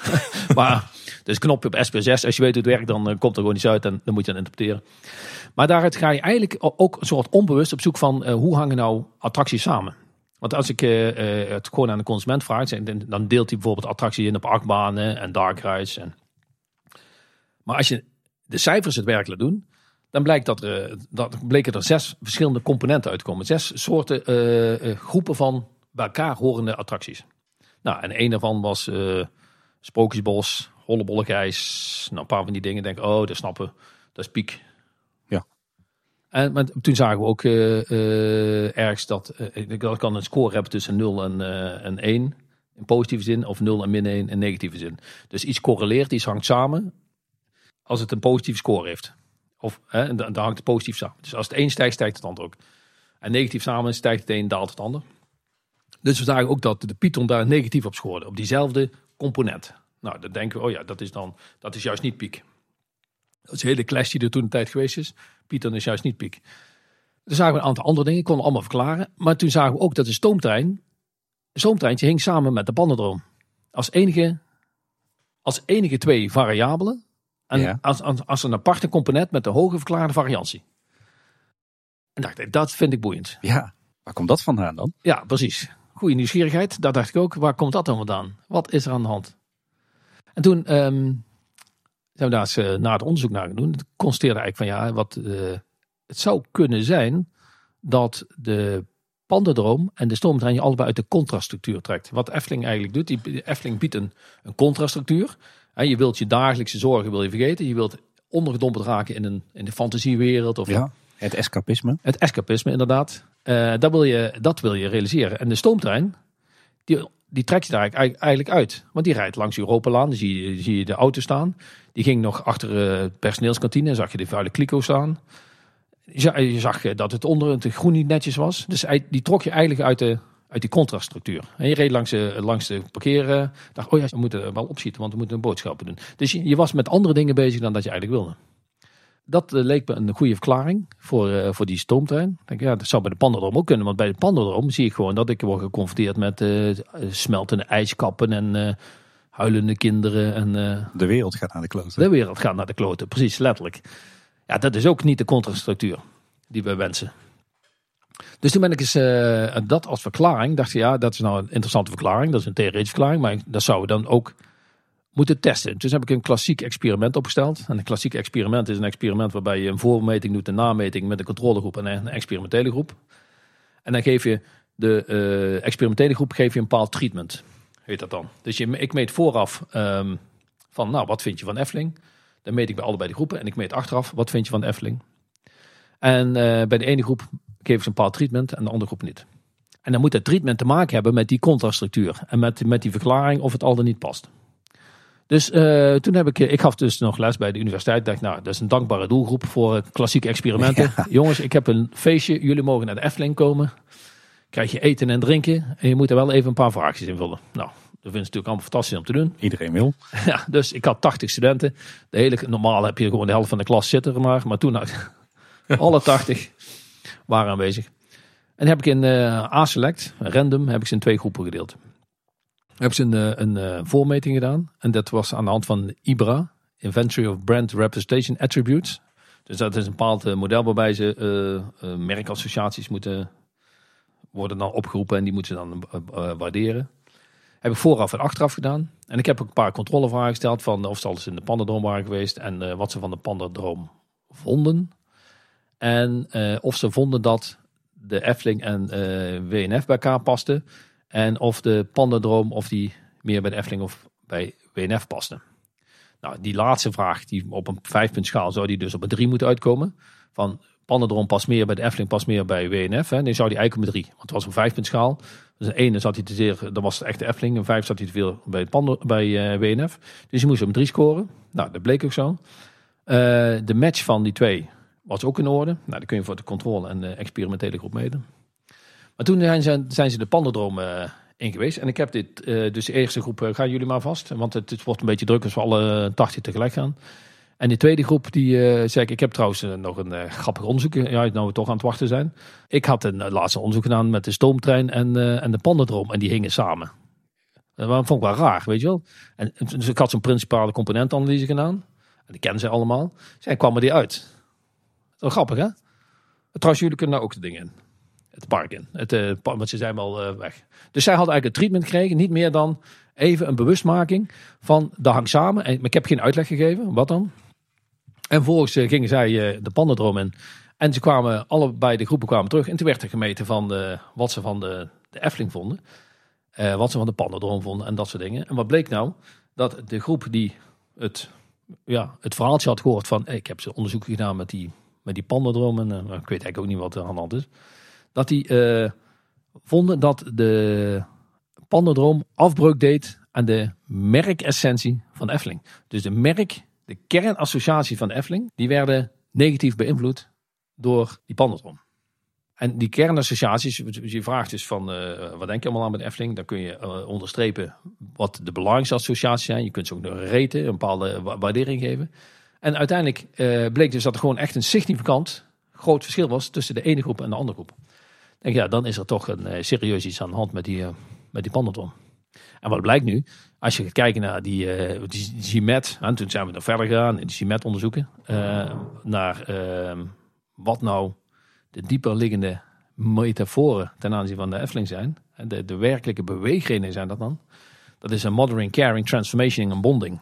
Dat zijn eigenlijk zijn toen als de drie kernwaarden van de Efteling daarvoor komen. En mothering en caring, daar kunnen we ons wel iets bij voorstellen. Mothering en caring is eh, ja, de Efteling, die zorgt zo goed voor jou. Die is, die is altijd, altijd is alles mooi. En je hoeft je niet druk te maken over dat er een vuiltje ligt. Want de Efteling heeft dat allemaal voor je opgeruimd. En, de Efteling zorgt goed voor jou. Want jij vroeger eens eh, bij de Efteling eh, levert, biedt jou de mooiste jeugdherinnering. En eigenlijk zei van ja, de Efteling faciliteert in het bieden van de mooiste jeugdherinnering. Want eigenlijk het gezin doet dat. Jouw pa en ma, die zorgen dat je een mooie jeugdherinnering krijgt. En de Efteling heeft daarin gefaciliteerd. En waarom? Omdat de Efteling mothering en caring is. Die zorgt voor jou. Dat jij ook echt een mooie dag kunt hebben. Het tweede was een bonding. En de bonding is dat je gewoon samen een, een pretpark in je eentje bezoeken. Is toch minder leuk dan met, eh, of een themapark, pas op wat ik nou zeg.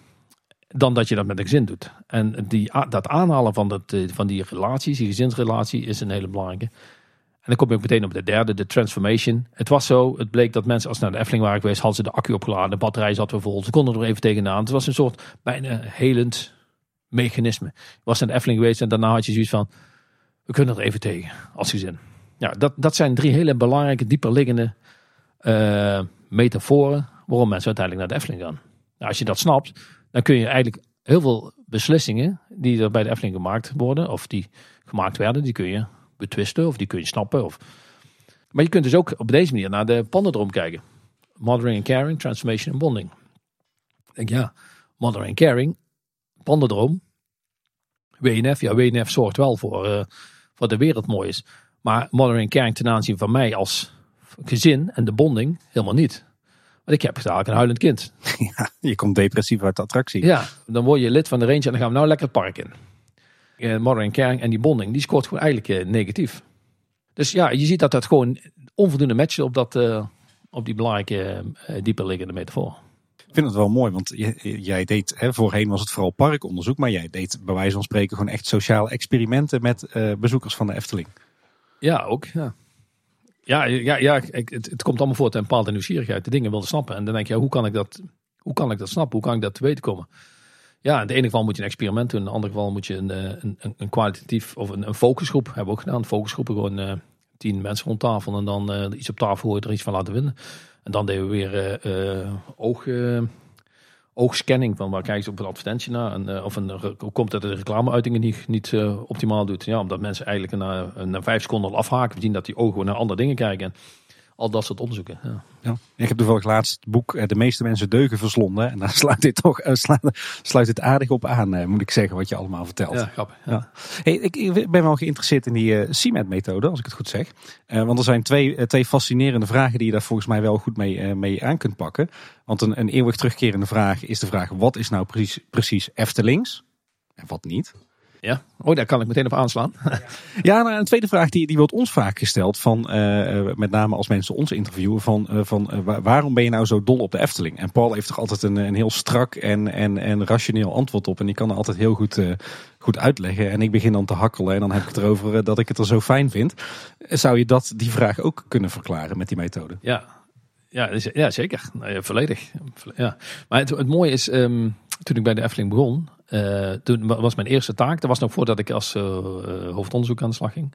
Omdat ik toen nog mijn proefschrift bezig was van het, uh, het, het merk de. Dus ik ben eens met alle managers en de ontwerpers, directie, gaan praten. een, een methode, conjoint analysis heet dat. Maar ik, ze kregen allerlei plaatjes voorgelegd en moesten eens keuzes maken. En daar zit een methode achter dat ze, ze maken bepaalde keuzes. Uh, maar achterliggend kan ik dan weer als onderzoeker vaststellen van als je deze keuzes en die en die uh, samen maakt, dan betekent het dit. Dus daar hebben een, allerlei plaatjes zorgvuldig op basis van die methode bij elkaar gegooid.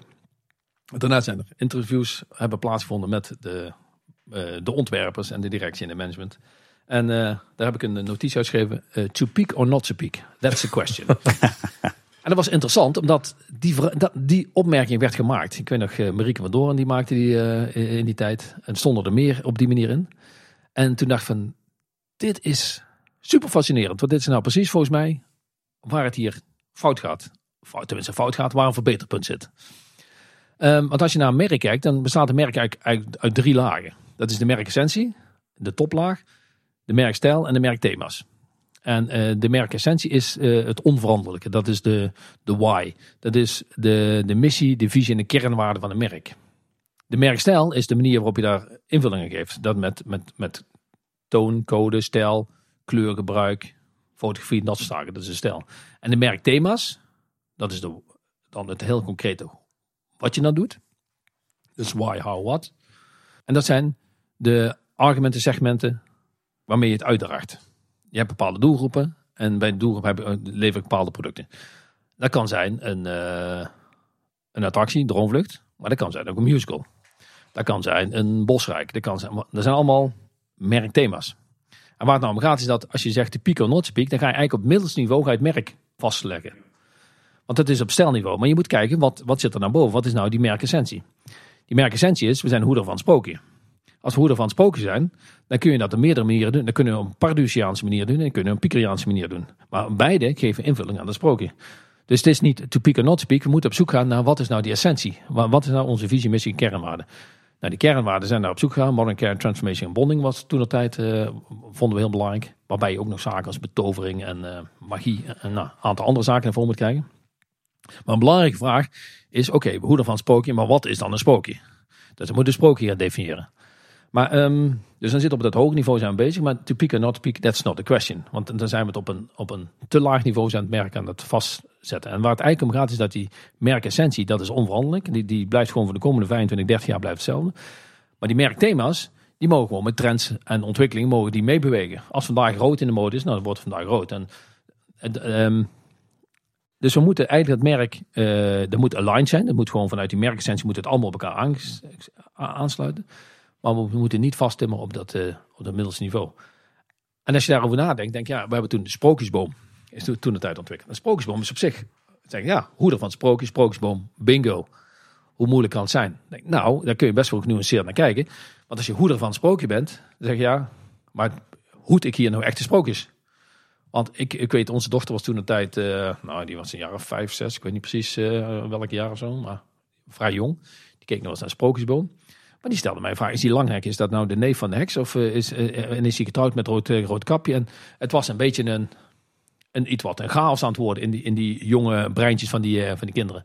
Dus dat hoeder van de sprookje, ja, je kunt je afvragen in hoeverre dat aan de orde is. Dus ehm, ja, to peak or not to peak, daar gaat het niet om. Je moet op een hogere merk-essentieniveau moet je het eigenlijk eh, moet je het, eh, kijken naar waar een merk voor staat. En die thema's die moeten daar uiteindelijk op aansluiten en die mogen meebewegen. De gevleugelde kreet, het is Eftelings, want het staat in de Efteling. Dat gaat iets te kort door de bocht. Nou, die, dat antwoord kun je zelf ook wel geven. Kom op. Die hoef je niet aan mij te ontlokken.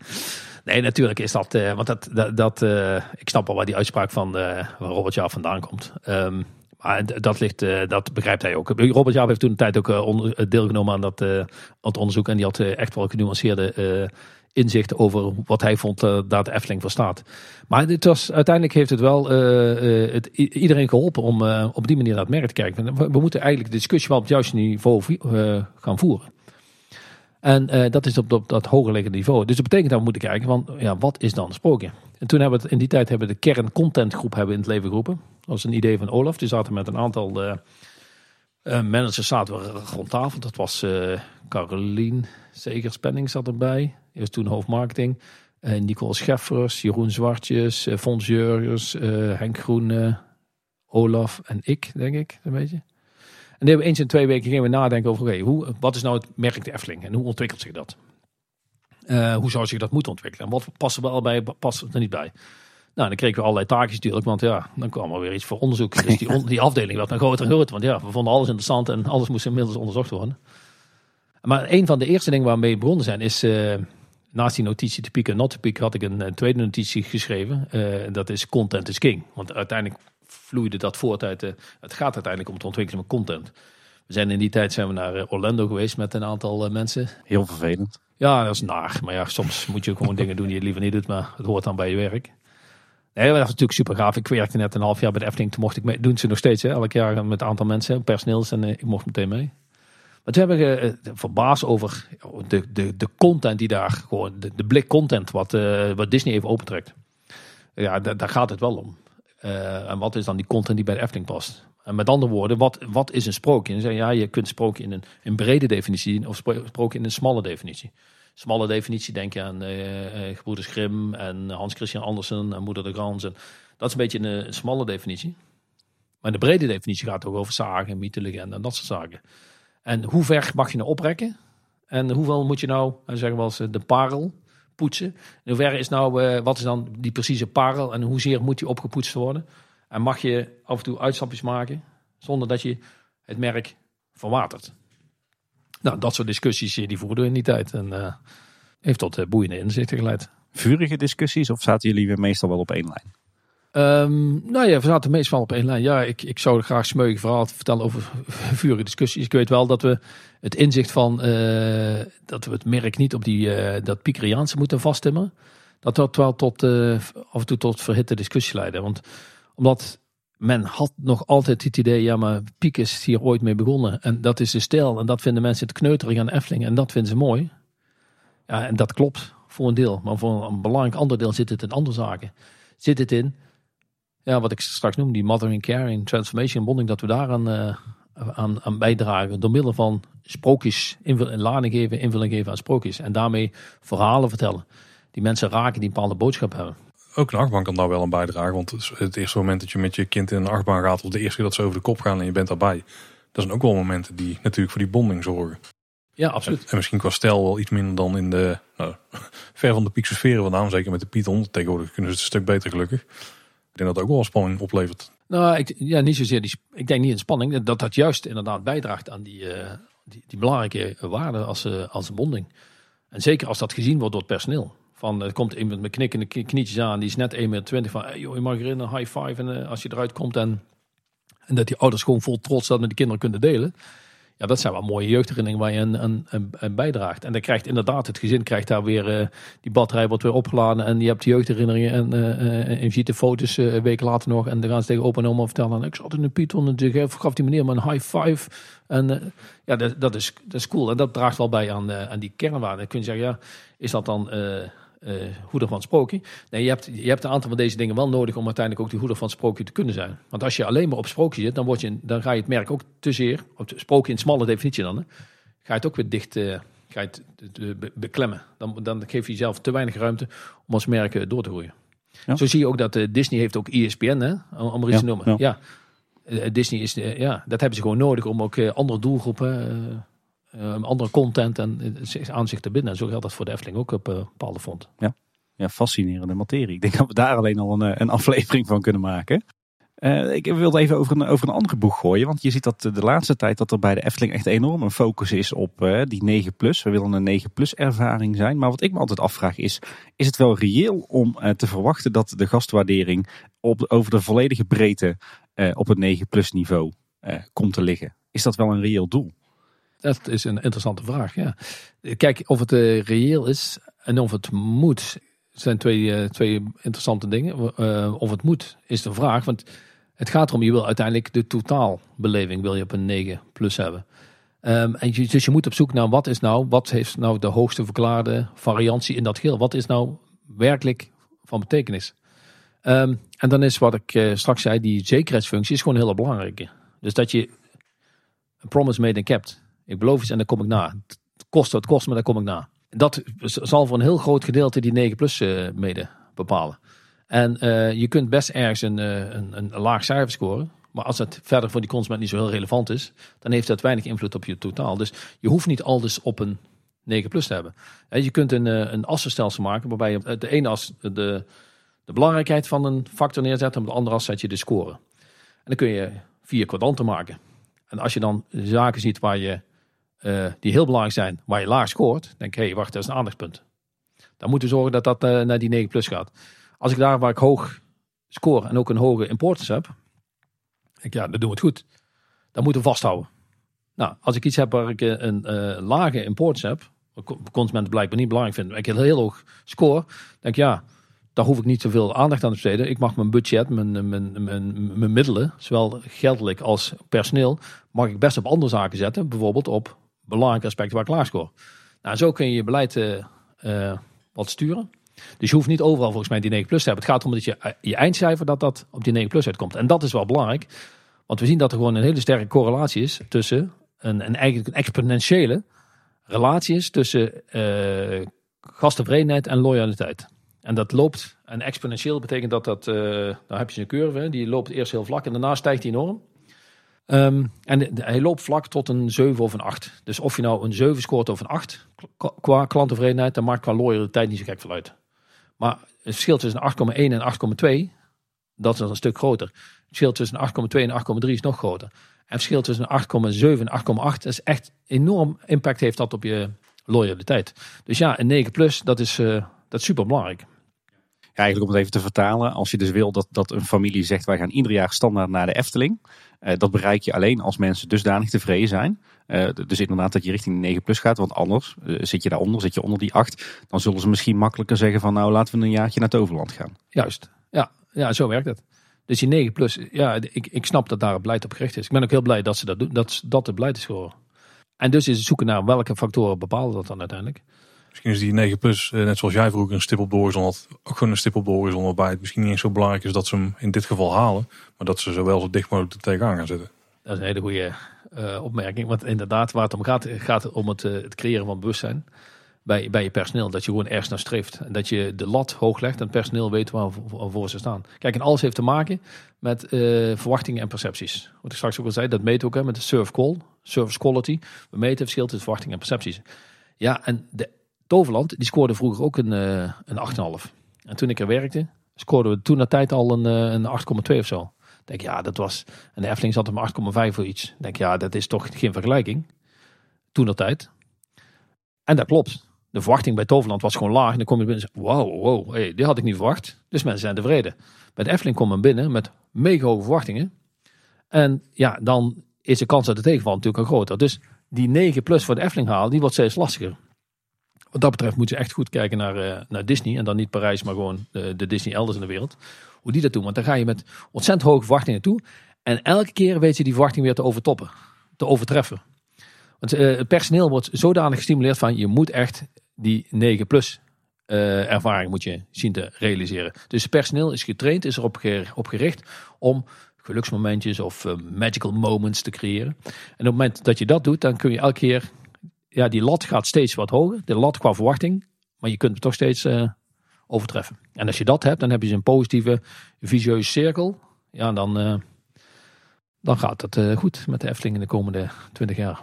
Kijk, en ik denk dat dat ook, dat dat ook de reden is waarom wij het bijvoorbeeld altijd zo goed naar ons zin hebben in Toverland. Daar, daar, op de een of andere manier heb je daar een perceptie bij van ja, dus een beetje een, uh, een indoor speelhal en uh, uh, met, met een klein plusje. En dan kom je er en dan is het toch een redelijk volwaardig themapark aan het worden. En dan ben je er des te enthousiaster over, ja. Ja, maar ja, die verwachting, die, die verwachting had je. Maar die verwachting is bij Toverland ook enorm gestegen. Als je nu kijkt met welke verwachtingen mensen binnenkomen, en is terecht, die is heel hoog. En Toverland is er, die slaagt er elke keer in om die te overtreffen. Nou, Toverland is echt is ongelooflijk wat die de afgelopen jaren hebben gerealiseerd en wat, ze nu staan. En Toverland zit qua gasttevredenheid op dit moment tegen die 9 aan. En zelfs in, in het hoogseizoen hebben ze die 9 gerealiseerd. In het hoogseizoen. Dus ja, dat is waanzinnig eh, knap. En, met toenemende gastverwachtingen. Dus ja, die, zijn, die hebben echt eh, de slag gemaakt van het eh, personeel bewust maken. Iedereen in het personeel. En, of je nou aan de attractie staat, of dat je parkmanager bent, of dat je horeca. Ervoor zorgen dat die gast centraal staat. En dat die beleving, die, die komt daar een hoop geld uitgeven. En dat moet gewoon optimaal zijn. Alleen dat is garantie voor succes op lange termijn. Ja, heel, heel herkenbaar inderdaad. We gaan het zo meteen nog over het Toverland hebben. Ik heb eigenlijk nog een laatste prangende vraag over jou, jouw tijd bij de Efteling. Want iets wat, uh, wat ons heel erg bezighoudt is dat vraagstuk van uh, um, investeren. Uh, en dan de vraag enerzijds wanneer moet je gaan investeren in een attractie? En als je dan hebt besloten dat te doen, of om het even in, waar in een sprookje of in een show. Um, maar als je besluit, we gaan investeren in een attractie. Um, hoe bepaal je dan wat het wordt? Uh, hoe bepaal je dan de doelgroep? Uh, bepaal je dan misschien al het attractietype? Uh, gebruik je daar onderzoek voor? Werd jouw afdeling daarvoor ingeschakeld? Kan je daar eens wat over vertellen? Ja, zo. Dat zijn echt voor mij zijn dat tien vragen die honderden dingen triggeren. dus ik, we even kanaliseren hoe ik uit beantwoord. Maar de eerste vraag is, moeten we investeren? Kijk, die vraag kreeg ik in. Ik kreeg die vraag niet gesteld. de vraag die mij werd gesteld in 2006, denk ik. 2005, 6. Van, we gaan investeren in de Vliegende Hollander. Hoeveel extra bezoekers levert dat op? Was mijn eerste vraag eigenlijk. Maar waarom gaan we dan investeren in, in de Vliegende Hollander? En waarom gaan we überhaupt investeren? Ja, moet eens in zoveel jaar investeren, Pieter. Oké, okay, uh, niet boos hoor. Als ze wist, dan doen we dat. ik zal proberen antwoord te geven hoeveel bezoekers dat gaat opleveren. Wat dacht je van 200.000 extra? Nou, er werd niet enthousiast. Ik zei 300.000. Uh, maar zat ik er een beetje glazig aan te kijken. Ik zei, ik weet het niet. Volgens mij is er nooit onderzoek naar gedaan, wereldwijd. En dat is heel bizar. Maar dat heeft te maken met het, gewoon het vanzelfsprekende antwoord dat je geeft. Ja, we moeten gewoon eens in zoveel tijd uh, investeren. Dat is een, blijkbaar een bepaalde wetmatigheid, waardoor we ons niet eens afvragen waarom en wat voor effecten dat uh, teweeg brengt. Dus ik vind het in ieder geval fijn dat de vraag gesteld wordt, hoeveel bezoekers levert dat op? Dat betekent dat we nog ergens iets van bewustzijn hebben van, ja, het moet iets opleveren. Wat in het verleden ook niet zo. Dit was de eerste keer dat die vraag werd gesteld. Ja, dat is wel typisch, hè? want je hebt, eh, eh, als je kijkt naar verschillende parken, maar ook naar verschillende directeuren, verschillende uh, tijdsperiodes. Uh, je hebt er waar, waar men zegt van er moet ieder jaar een nieuwe attractie staan. En er zijn ook directeuren geweest die naar het schijnt gezegd hebben één keer in de zeven jaar is voldoende. En nu zitten we geloof ik ergens op eens in de twee, eens in de drie jaar bij de Efteling. Dus dat, dat schiet ook alle kanten op, die gedachte van uh, hoe vaak uh, moeten we investeren en waarin dan. Nou ja, we weten ook van Van der Zel, die heeft in zijn interview verteld dat hij het juist heel vreemd vond, precies wat jij zegt, dat die vraag nooit werd gesteld. En dat hij ook wilde weten van ik ga een investering doen en ik wil ook weten wat ik daarvoor terugkrijg en hoe lang het effect van die investering loopt. Ja, nou, zeker. Dat was een terechte, vraag van Ronald. Um, ik was ook heel blij dat hij stelt heeft. Want toen, op dat moment heb ik ook besloten van ja, dit vind ik zo'n gaaf. Dit vind ik echt interessant. Dit triggert mijn, uh, weer mijn enthousiasme, mijn, mijn interesse. Ik word er weer, uh, ik raak er weer gepassioneerd van. Kijk, ik zat vier jaar lang op onderzoek en op gaandeweg. Ja, het is super gaaf, maar het, is wel veel van hetzelfde. En ik denk, dit is echt weer een vraagstelling die, uh, die me prikkelt. Omdat er ook, er is nog nooit wetenschappelijk onderzoek naar gedaan. We zouden dus kunnen kijken in hoeverre dat dan uh, misschien echt ik, mijn proefschrift, waar ik dan toch voor de schijn zeg maar mee bezig was. Als ik nou gewoon eens een ander onderwerp pak en er echt mee aan de slag ga. Nou, dat heb ik toen op dat moment gedaan. En toen ben ik uh, uiteindelijk onder, ja, onderzoek gaan doen naar de effecten van investeringen bij, uh, bij themaparken in Europa. Heel Europa doorgereisd, alle parken bezocht, data gekregen. Op dagniveau, hoeveel bezoekers hebben, hoeveel heb je besteed? Is er besteed in het park? Wat deed de ticketprijs, et cetera. En toen uiteindelijk wel vanuit een diverse uh, kanten gekeken naar van dat investeringsvraagstuk. En een ervan was een econometrische, dat je gaat kijken van wat is nou het werkelijke effect van een investering in een bepaalde attractie voor een, voor een park. Maar die vraag bij de Efteling hebben toen de tijd uh, beantwoord met de, uiteindelijk met een, door een model op te leveren waaruit bleek wat de effecten waren van, zouden kunnen zijn van die, van die investering. Maar er zitten, gaandeweg is dat model dus steeds verder verfijnd. En nu zeg eigenlijk ja, de return on investment van een, uh, van een investering in een themapark is afhankelijk van de budgetbeslissing, gegeven de context, maal de verwerking van de content. Nou, dat uh, heb ik geprobeerd in een, uh, in een helder boek te schrijven. Volgens mij is dat gelukt. Ik heb twee boeken geschreven. De eerste was mijn proefschrift. Daar adviseer ik niemand om te lezen, want dat is, het is vrij wetenschappelijk. Het is ook niet boeiend. hoofdstuk 2 is boeiend, hoofdstuk 7 ook nog wel. En de rest is uh, taaistof. Maar het grappige was, ik, ik zat in, bij de Japen in de Education Committee van Europa. Die Japen is een brancheorganisatie en die doen elk jaar een, een congres, een beurs met een educatieprogramma. Ik zat toen in de Education Committee en in die tijd, toen ik mijn proefschrift, toen klaar was, en zei ze, en dus ik presenteer vol trots, kijk, dit heb ik geschreven. Zei ja, nou hartstikke mooi, oprecht mooi. Maar we zijn er vooral geïnteresseerd, wat doet dat in de praktijk? Want dit is allemaal academie, hè, Peter. Pieter, ja, die uh, zitten vaak in die ivoren torentjes. En, uh, maar werkt dat in de praktijk? Nou, toen heb ik hetzelfde gedaan. Toen heb ik bij de Beethoven natuurlijk aan de slag gegaan. En daar kwam het precies uit zoals ik het voorspeld had. Dus zei ze, hey, nou is het toch wel interessant om dat ja. een keer in een, een, vorm te schrijven dat iedereen het kan lezen. Dus daar heb ik op een uh, wat Jip en Janneke taal heb ik het geformuleerd. En daar heb ik het dan het ook wat aangepast. En uiteindelijk hebben we vast dat ja, die return on investment is dus je budgetbeslissing gegeven, je context maal de werking van de content. Dus de eerste vraag is uh, ja, die budgetbeslissing. En die budgetbeslissing bestaat uit twee aspecten, namelijk je timing en de hoogte van je budget. En de timing is van, moet ik dit jaar investeren? Of moet ik volgend jaar of over drie jaar? Of, uh, dus hoe vaak moet ik investeren? En het budget is hoeveel procent van mijn EBITDA of van mijn turnover, van mijn omzet, moet ik investeren. Dus dat, is de eerste. Ja, dan zie je hele grote verschillen tussen bijvoorbeeld Efteling en Toverland. Of tussen Efteling aan uh, andere Europese parken. In de algemene zin geldt dat uh, Europese parken gemiddeld 10 tot 12 procent van, jaar, van hun jaarlijkse omzet herinvesteren in het park. Um, maar dat, dat, dat kun je op meerdere manieren doen. Dat is aan de hoogte van het budget. De frequentie is, de, de, timing is, uh, ik kan elk jaar 10, 10 procent doen. Of ik kan dit jaar niks doen, volgend jaar niks. En dan het jaar erop 30. Heb ik gemiddeld ook 10 procent. Ja, en 10 procent is een gemiddelde van de branche ja, ik kan ook op 15% zitten gemiddeld. Of ik kan op 5% zitten. Want er zit natuurlijk, uh, gemiddelde, uh, die hebben altijd een, uh, een standaardafwijking. Hè? Misschien ken je nog wel zo'n ja. -hmm. normale curve. Zo'n belcurve. Dan is het gemiddelde ligt dan in het, in, dan in het gemiddelde en in het midden. En dan aan de linkerkant zit, een, uh, zit 50% en aan de andere kant 50%. En dat kan heel stijl zijn. Dus het gemiddelde van 10% kan tussen de 9,5 en 10,5% zitten. Maar het kan ook tussen 5 en 15 of zelfs tussen, nou ja, misschien tussen de 3 en de, en de 17 zitten of zo.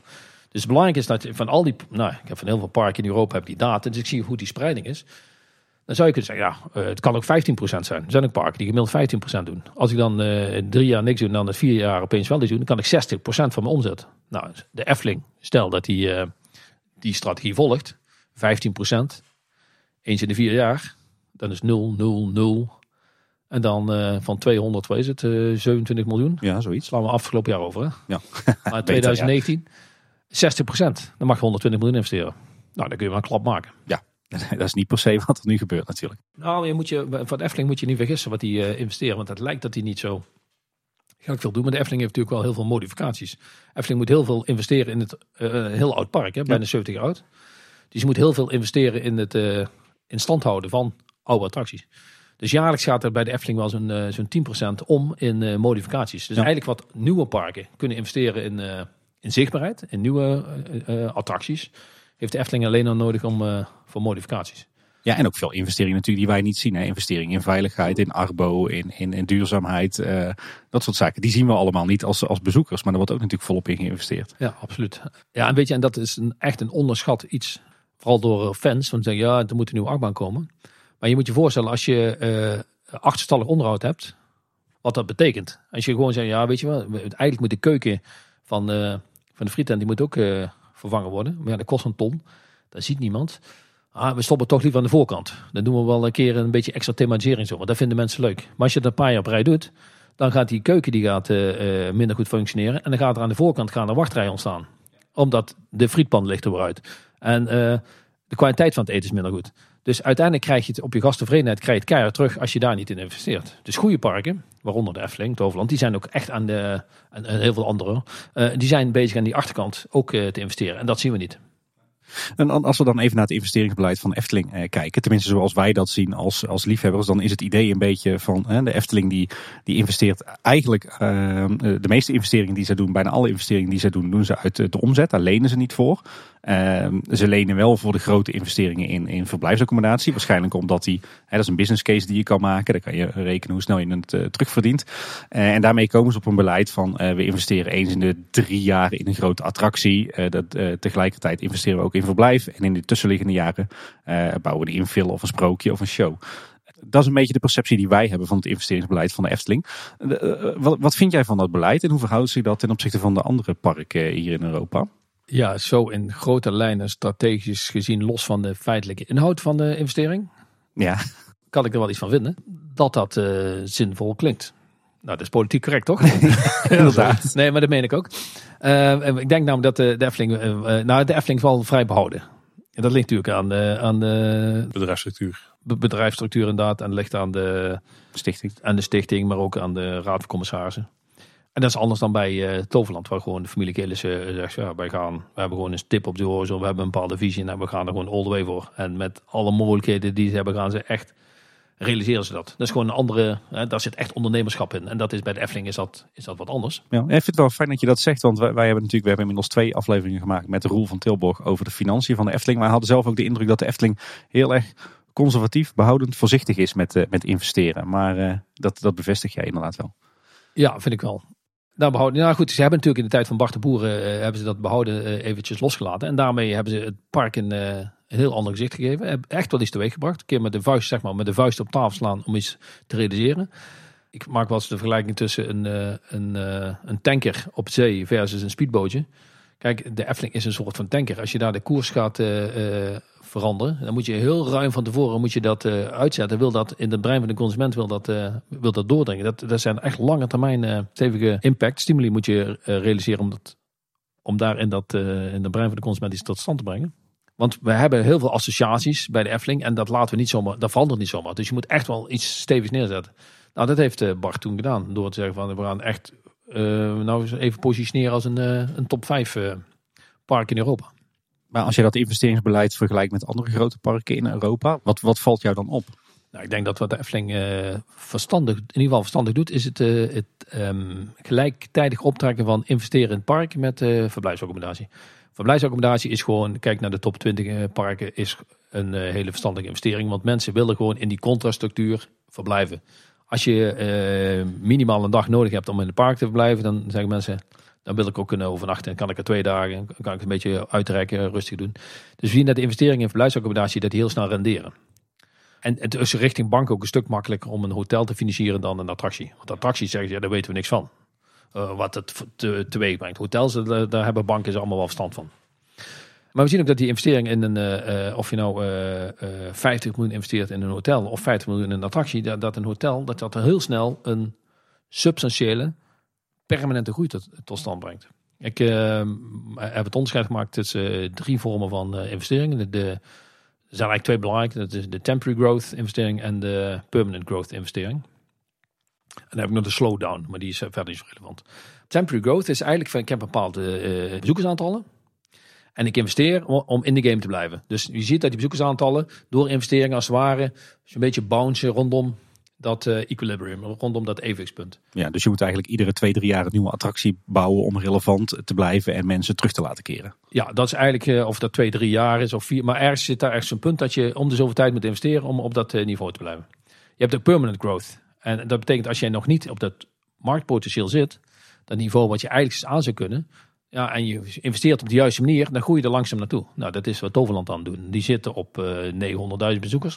Maar daar zit nog heel veel potentieel in die markt. Dus je kunt nog jarenlang doorgroeien voordat zij uh, hun uh, investeringen een, negatief, een, een, tijdelijk effect gaan geven. Dus je hebt een permanent growth. Bij de Efteling is dat weer temporary. Wat je wel ziet is dat bedrijfs, verblijfsaccommodatie zorgt ervoor dat je dat, dat latje zeg maar iets hoger legt. Ja. ja, want ik denk dat de bouw van Bosrijk inderdaad Loonse Land dat dat wel een enorme impact heeft gehad op die bezoekersaantallen. Ja, absoluut. Dat is ook zo. Zeker ook natuurlijk voor de jaar rond uh, cijfers. Ja, nou die jaar rondcijfers zijn natuurlijk, uh, dat is ook een, dat is een interessant.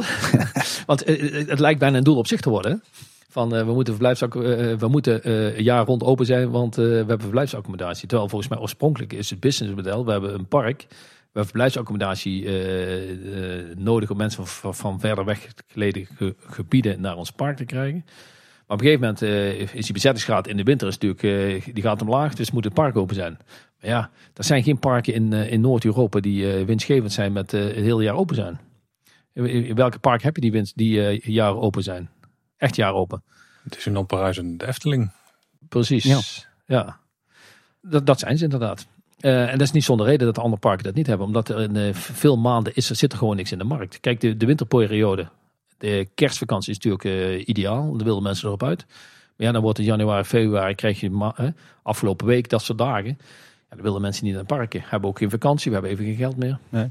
Um, maar is dat dan meer een, een, kwestie van prestige? Of is het misschien, uh, we willen ons personeel aan de slag houden, die moeten we toch betalen, laten we dan maar open blijven, dan, dan hebben we in ieder geval nog iets van omzet. Ja, het is een, zal een, dat laatste speelt ook mee.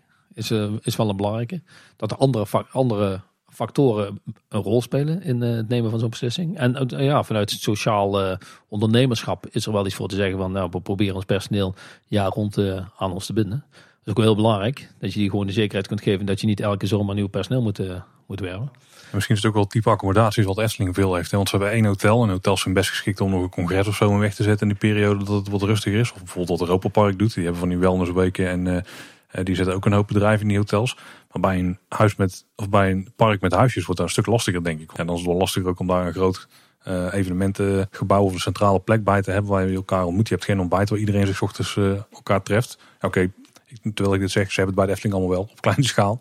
Maar ik denk dat het type accommodatie ook wel meer, dat er misschien meer behoeft om heel het jaar wel iets te hebben nog daarnaast. Want je ziet nu, nu is de Efteling niet open op het moment dat we het opnemen. Hopelijk als de aflevering uit is gekomen weer wel. Maar Tim is naar de Beekse Bergen geweest. Daar heb je dan uh, zo'n savanne erbij liggen bij de huisjes. En dat, daar zit stampvol. En bij de Efteling is door de week, dat is het nu in Bosrijk, zitten misschien een paar gezinnetjes. Maar dat was het dan ook echt wel. Ja. Want daar is nog iets naast te doen. Bij Bosrijk nu niet. En blijkbaar zijn de Loonse en Drunense Duin en uh, het Loonse Land niet voldoende om mensen daar uh, heen te lokken.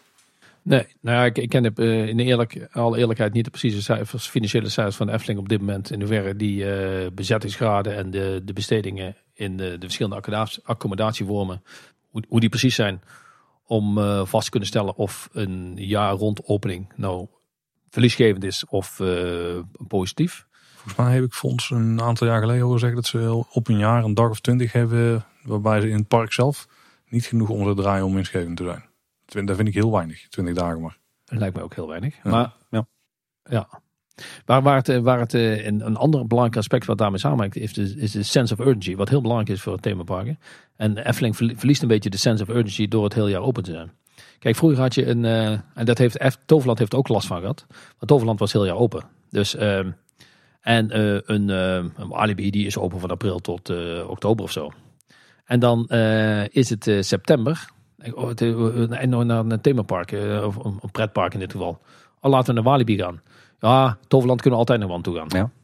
Ja. maar volgens vergeet je dat weer, want je bent naar Walibi geweest en het is het geld is op en ik denk, oh, we zijn dit theater al een keer geweest. Dus die sense of urgency is wel een, is, is wel een belangrijke waar je ook uh, uh, naar zou kunnen kijken wat het effect is van de sense of urgency in de totale bezoekaantallen. Van de andere kant is een, of het een juiste beslissing is, heeft ook te maken met de spreiding van, van je bezoekaantallen. En daar zit natuurlijk de grootste uitdaging voor de Efteling, als je het mij vraagt. Gewoon die capaciteit van de Efteling, om die zodanig managen dat je, je wilt namelijk een hoge gasttevredenheid en je wilt ook bepaalde bezoekaantallen. En dat matcht niet altijd, want als het heel druk is, dan gaat die uh, de gasttevredenheid omlaag. En dat heeft weer effect op de lange termijn. Dus ergens moet je een punt vinden. Ja, en bezoekers komen het liefst in de zomer naar, uh, naar, naar, een themapark, want dan wil er buiten. Maar we willen niet dat uh, eh, 5,5 miljoen bezoekers allemaal in juli en augustus komen. Dus we proberen dat te spreiden. Pieter, we hebben het nou uh, gehad over hè, de, de, investeringsbeslissing. Uh, wanneer ga ik, ik investeren en waarom? maar wat ik ook nog interessant vind is de aard van de investering. ik heb altijd gedacht in mijn naïviteit van parken doen echt onderzoek van waar is de vraag naar, welke doelgroep moeten we nu gaan bedienen en wat voor attractie bouwen we dan. Maar ik krijg steeds vaker de indruk dat het ook vaak gewoon de directie is die zin heeft om een achtbaan te bouwen. Dus dan bouwen we dat. Hoe, hoe, is dat, uh, hoe gaat dat in het wereldje en ook bij de Efteling? Dat volgens mij was het onderdeel van de formule, toch? Was dat het contentstukje? Ja, precies. De content inderdaad. Ja, nou, dat is inderdaad heel belangrijk. Want uh, het effect wordt voor een uh, groot gedeelte bepaald door die uh, budgetbeslissingen. Dus hoeveel investeert de Efteling? Nou, we investeren 30, 40 miljoen in een dark ride. Uh, en dat doen we dit jaar. Dus dat heeft voor een groot gedeelte is dat bepaald. Maar de andere is inderdaad die content. En dan um, um, zou je, idealiter zou je kijken, oké, wat is uh, ons huidige aanbod aan uh, attracties? Wat hebben we? Wat vraagt de doelgroep? Wat heeft de concurrent? En als we kijken naar de doelgroep, dat we vooral kijken, wat is nou de capaciteit? We noemen dat de THRC, de Theoretically Hourly Ride Capacity, per doelgroep. Zodanig dat de, de ALOS, de Average Length of Stay, een beetje deftig te maken, dat die optimaal is. Want dat, dat is eigenlijk wat we willen. Dus als we besluiten in een uh, bepaalde attractie, dan zijn dat de factoren waar we mee te maken hebben. Nou, bij de Efteling begint natuurlijk allemaal met die merkessentie. Hoe ervan gesproken. Dus we moeten vanuit het verhaal moeten we uiteindelijk gaan redeneren. Want dat willen we optimaliseren. En dan moet kijken bij welke doelgroepen kunnen dat doen. Op een zodanig wijze dat we onderscheid zijn ten opzichte van concurrenten. Ja, als ik daar naar kijk, dan vraag ik me tot op de dag van vandaag af waarom de Efteling nog steeds niet heeft geïnvesteerd in een Chiapas, in een waterrijd, in een lokvloem. Snap ik niet. Ik, ik, in de zomer kan ik gewoon, eh, ik, ik kan niet nat worden bij de Efteling. Ja, die Piranha, maar dan staat er ook meteen een wachtrij van uh, die te lang is. Ja. Bij de zwaanhoedster in uh, Marenrijk, ja, om de straaltje gaan staan. precies. Ja. Zo is wel grappig, want uh, toen wij aan het uh, armchair engineeren waren, toen kwamen we allebei met een soort uh, Chapas variant in Eftelings thema. Ja, ook wel denk ik, omdat inderdaad bewustzijn er is dat zo'n attractietype mist. Maar het is ook gewoon in de zomer wel iets wat je, wat je inderdaad mist. Want ja, de Piranha is, is het dan het nevelig nat worden in de Vliegende Hollander is ook niet voldoende om af te koelen, denk ik. Maar wat je eigenlijk dus zegt, Pieter, is als je het echt uh, de, de, de, de keuze voor een bepaalde investering, als je die op een uh, goede, onderbouwde manier wilt bepalen, dan moet je eigenlijk continu analyseren. wat is mijn doelgroep en wat wil die en wat is mijn aanbod? En dat moet je eigenlijk continu vergelijken. Ja, wat is het aanbod van concurrenten? En in hoeverre zijn we dan onderscheiden aan de lange termijn vanuit onze merkessentie, vanuit dat onveranderlijke, wat gewoon over 25 jaar nog steeds hetzelfde is.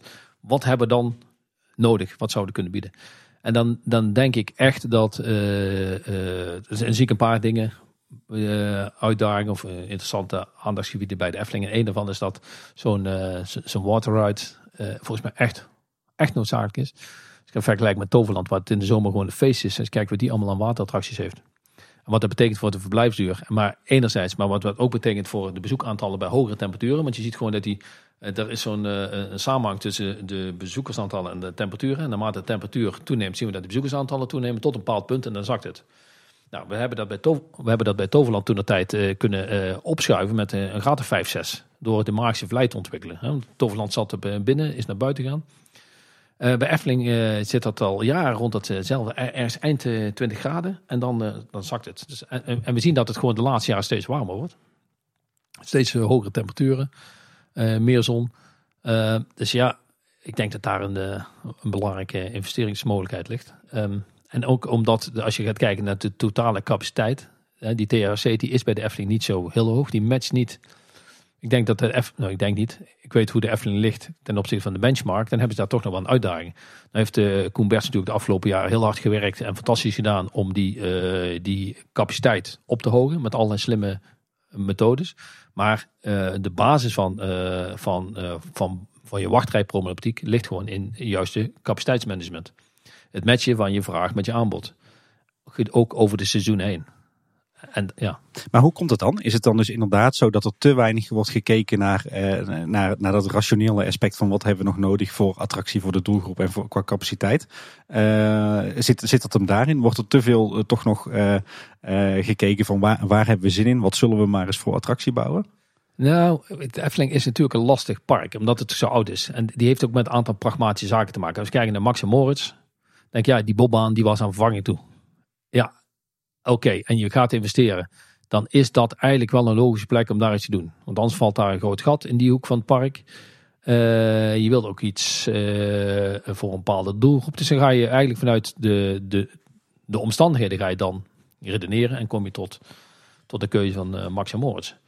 Um, maar als je gewoon zonder enige belemmeringen zou mogen kijken van wat zou nou voor de Efteling voor de komende tien jaar goede investering zijn in het park dan ga je dat waarschijnlijk op een andere manier uh, ga je dat aanvliegen. En dan maak je inderdaad een aantal analyses en kom je tot de conclusie dat, uh, nou wat ik net zei, een voorbeeld zou kunnen zijn. En zo zijn er nog andere mogelijkheden waar... En, en als je dan naar, naar de, de, Europese markt in zijn geheel kijkt, heb jij dan de indruk dat er veel parken zijn die, die inderdaad op zo'n analytische manier bepalen wat hun nieuwe attractie moet worden? Of is het toch vaak de, de persoonlijke smaak van de eigenaar of het management? Ja, het, het laatste is nog wel veel het geval. Kijk, we zien dat de, de, de parken die onderdeel zijn van, van de groep, dat het daar op een wat andere manier verloopt. Ook moeten we dat ook niet te hoopgevend over zijn, want ook daar is nog gewoon de persoonlijke voorkeur van directieleden heel bepalend voor uiteindelijk de keuze van een, van een nieuwe investering. Want, want, ze gaan naar een beurs en dan zien ze een vette attractie en dan zeggen ze die willen wij volgend jaar. Ja, dus bijvoorbeeld of ze zien dat de concurrent iets heeft of ze hebben al jarenlang. Kijk, je moet je voorstellen dat je, uh, je werkt bij een park en uh, je, het liefst zou je elk jaar zou je nieuwe dingen willen ontwikkelen. Want dat is, dat is super gaaf. Het proces is, is gaaf om daarmee bezig te zijn. De, de zoals ze dat noemen, hè, het ontwikkelen van, uh, van, van nieuwe attracties. Dat is leuk om bezig te zijn. Het liefst wil je dat elk jaar zou je gewoon weer iets nieuws ontwikkelen en dan weer bouwen.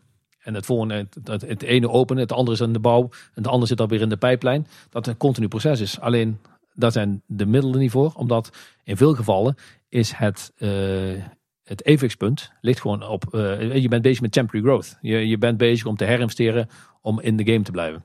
Dus je kunt niet elk jaar investeren. Want dan, dan uh, ga je negatieve cijfers, financiële cijfers krijgen. Uh, maar dus uh, die, die mensen die daar iets over mogen zeggen, die, ja, die hebben eigenlijk al een verlanglijstje voor de komende tien jaar. Maar dat kan allemaal niet. Dus ze moeten, ja, nou, dan wordt het, ja, maar dan wil ik nu toch echt die duifcoaster. Of ik wil nu toch echt. Uh... Ook een beetje wat je, want dan komen we weer bij Toverland uit. de, de eigenaar die, die wilde een achtbaan. Nou, oorspronkelijk wilde hij een achtbaan indoor, ja. En toen de tweede indoor al. En, en gaandeweg is dat, heeft zich dat ontwikkeld naar wat nu staat. Ik wil, ik wil nog wel even terug naar de formule, want uh, de hoogte van de investering is dus best belangrijk. Nou is een, punt dat altijd bij de Efteling, uh, in ieder geval waar wij het regelmatig over hebben, is dat de Efteling vooral grote investeringen doet. Dus er worden weinig invuls geplaatst. Als het, als het een investering in attracties is, denk ik het minst dat ze hebben geïnvesteerd de afgelopen, nou, misschien wel 15 jaar, is, is 15 miljoen denk ik. Het is voor de Efteling nog zinnig om er uh, invulattracties bij te zetten. Want misschien voor de ride capacity, de, de theoretical hourly ride capacity, kan er wel nuttig zijn. Maar misschien voor het aantal nieuwe bezoekers wat je trekt niet. Nee, dat laatste niet. Uh, maar de vraag is of je dat moet willen. De vraag die ik zou stellen is van waarom, wat is mijn stip aan de horizon? Waarom zou ik naar 7 miljoen bezoekers per jaar willen?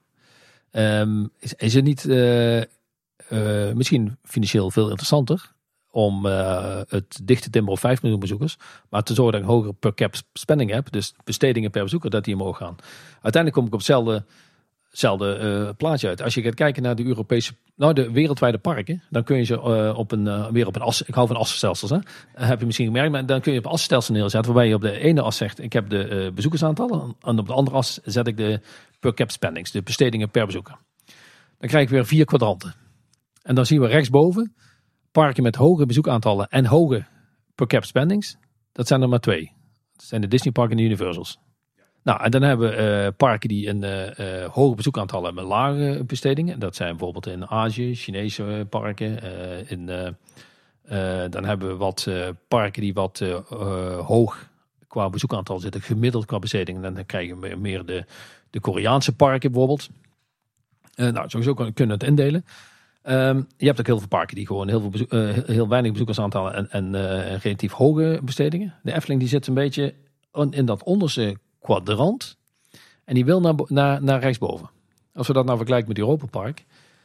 Dan zit Europa Park, die zit al een beetje in die Champions League. Die zit, dan, die zit dat te duwen tegen die hoek van, uh, van uh, Universal en, uh, en, Disney. En de Efteling die, die lijkt daar naartoe te willen. Maar die wil die weg gaan bewandelen via die bezoekaantallen. Terwijl als, je, als we dat nou via de bestedingen zouden doen. Dan gaan we uiteindelijk op dezelfde omzet uitkomen. Waarschijnlijk met, zou best wel eens kunnen met betere rendementen. En uh, zonder dat we de hele omgeving hier onder druk zetten. Het piept en kraakt van alle kanten. De, uh, uh, met met de infrastructuur en de drukte op de wegen en geluidsoverlast en noem maar op. En het is volgens mij niet per se noodzakelijk om naar die 7 miljoen te gaan. Ik hoorde de laatste bij, volgens mij was het bij Loopings, Hans van Driem spreken van de Efteling dat hij makkelijk naar 10 miljoen zou kunnen. Ik denk ja, dat A, denk ik niet dat Efteling makkelijk naar 10 miljoen kan. En B, denk ik dat, het niet, dat ze dat niet zouden moeten willen. En is de Nederlandse markt misschien moeilijk om uh, dat voor elkaar te krijgen? Tenminste, we staan bekend als een zuinig volkje, zeg maar. Ik denk dat het wel met uh, ja, hoe jonger de generatie, hoe, uh, hoe makkelijker ze geld uitgeven. Dat is misschien de observatie die ik dan zelf doe. Maar zou, het zo, zou zoiets kunnen met het Nederlands publiek als hoofdzakelijke, ja, als de, de grootste consument van je park? Ik denk dat dat wel dat de Nederlanders dat wel willen. De vraag is of de Efteling het wil. Kijk, de Efteling zit natuurlijk vanuit zijn statuut, eh, statuten en vanuit de, uh, ja, de missie van de stichting eigenlijk. missie van de stichting inderdaad van we willen voor iedereen wil toegankelijk hebben. Maar het een hoeft het andere volgens mij niet uit te sluiten. Je zou kunnen zeggen, we, werken, we gaan werken met dynamic pricing. En waarbij we zeggen van in januari, februari, maart, april zijn de prijzen gewoon een stuk lager dan in, in het hoogseizoen. En dat kunnen zelfs op dagniveau kunnen daarin variëren. En dan is het niet een kwestie van een paar euro, maar dan kan het gewoon een kwestie zijn van uh, misschien wel 25 euro uh, verschil. In het hoogseizoen betaal ik gewoon uh, eh, 75 euro om naar de Efteling te gaan. En in het laagseizoen betaal ik nou, misschien 25. En dan ben je voor iedereen toegankelijk.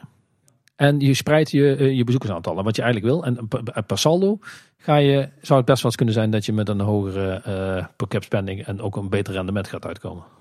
Maar goed, dat moet nader onderzocht worden. Ik ga je niet de wijsneus uithangen die zegt van dit is het. Maar daar zit wel een interessante strategische optie om, uh, om aan te vliegen. Ja, en het, het, ligt ook wat genuanceerder. Hè? Want er is ook altijd duidelijk gemaakt vanuit de Efteling. We willen niet doorgroeien naar 7 miljoen bezoeken. We hebben alleen uh, het bestemmingsplan doorgerekend op een maximale capaciteit van 7 miljoen. Dus we zouden er naartoe door kunnen groeien. Maar het is niet per se onze, onze stip op de horizon. Nee, dat, dat is inderdaad een belangrijke nuance. Maar gelijktijdig roept die nuance, uh, die, die verdwijnt een beetje in, uh, in de communicatie. Klopt. Ik bedoel, de, de omgeving, de buurtwoners, die, die zien dat van, ja, daar staat toch 7 miljoen. En dan kunnen we zeggen, ja, dat willen we niet per se. En dat zal misschien ook wel, maar dan moet ik op je blauwe ogen geloven. Als, als je het voor elkaar hebt dat het mag, ja, zou het zomaar kunnen dat er straks een ander bestuurder zit, een ander directielid, die zegt, ja, we gaan het doen. Ja, dat die ruimte is er. Ja. Maar die ruimte is er. Dus ik snap dat er wat, uh, wat uh, terughoudendheid is vanuit de omgeving. En uh, ja. Ja, ja, en dat verklaart denk ik ook dat, dat Hans van Driem het wat dat betreft niet, niet aan het goede eind had. Want er is natuurlijk doorgerekend nu in de, de nieuwe bestemmingsplannen uh, van hoe moet die infrastructuur worden uh, om die 7 miljoen bezoeken te kunnen verwerken. En wat jij zei, dat piept en kraakt al enorm. En dat geeft zeker geen ruimte om door te groeien naar 10 miljoen bezoeken, nee. Nee, goed, er zijn twee kanten natuurlijk. Hè. Je hebt de infrastructurele kant en je hebt gewoon de, de, kant vanuit je catchment area van het aantal, het potentieel wat in de markt zit. En dat moet met elkaar matchen. Dus eh, de laagste van die twee die bepaalt de, uiteindelijk het eh, potentieel wat je hebt. Eh, even over dit onderwerp een, een, laatste vraag voor mij die me ook wel bezighoudt. Uh, want ik ging er altijd vanuit dat heel veel parken dus heel goed onderzoek deden naar wat wordt de volgende attractie uh, die we moeten bouwen. Uh, wat verwachten mensen van ons? Terwijl ik zelf zoiets heb van eigenlijk een park als de Efteling of een, of een Disney moet helemaal niet vragen en kijken van wat verwacht de consument van ons en dat gaan we bouwen. Het is juist heel belangrijk dat je verwachtingen overtreft. Dus dat je datgene bouwt wat veel beter is dan wat de consument in marktonderzoeken aangeeft dat ze willen. Hoe kijk jij daar tegenaan? Ja, helemaal eens. Ik denk dat de consument het ook niet weet. Die, ja, wij zijn allemaal in Amerika geweest, uh, kennen al die uh, attracties. Maar de meeste consumenten weten dat niet. Die hebben nooit Flight of Passage gedaan van uh, Avatar.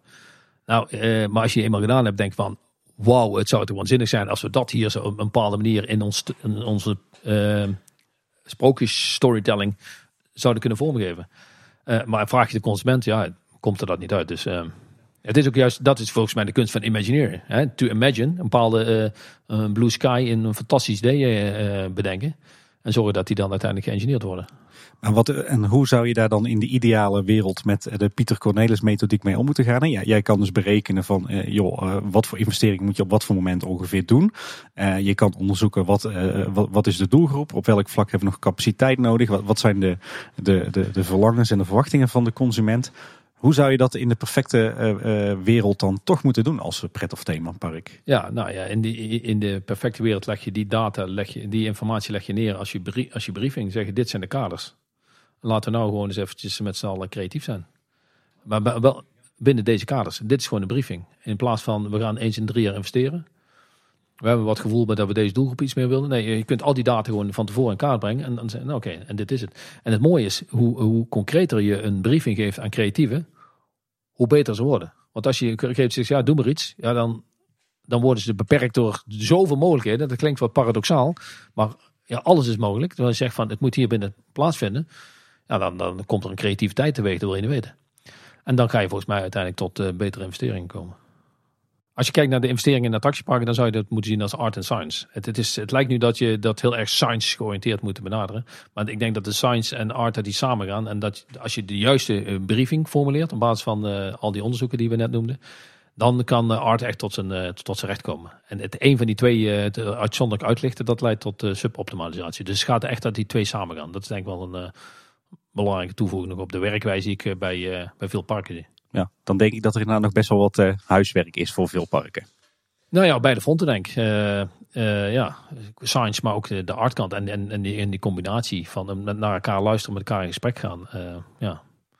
Maar je moet ook realiseren dat er vanuit de ervaring van parken natuurlijk ook ontzettend veel kennis is. Hè? Dat, dat is wat meer impliciete kennis. Weet je, meer de, de vingerspitsengevoel ja. over investeringen. Ik weet, we gingen naar Orlando en toen zagen we daar in Dinosaur, Jurassic Park, die grote splash. En uh, dat triggerde Olaf om te zeggen van uh, iets soortgelijks wil ik ook. En dat je dan zo'n uh, T-Rex ziet en dan naar beneden dondert. En, dus ja, dus als je heel veel ziet en heel lang in de branche meegaat en zeg je, ja, nee, en ik voel dat we iets voor een bepaalde doelgroep moeten doen.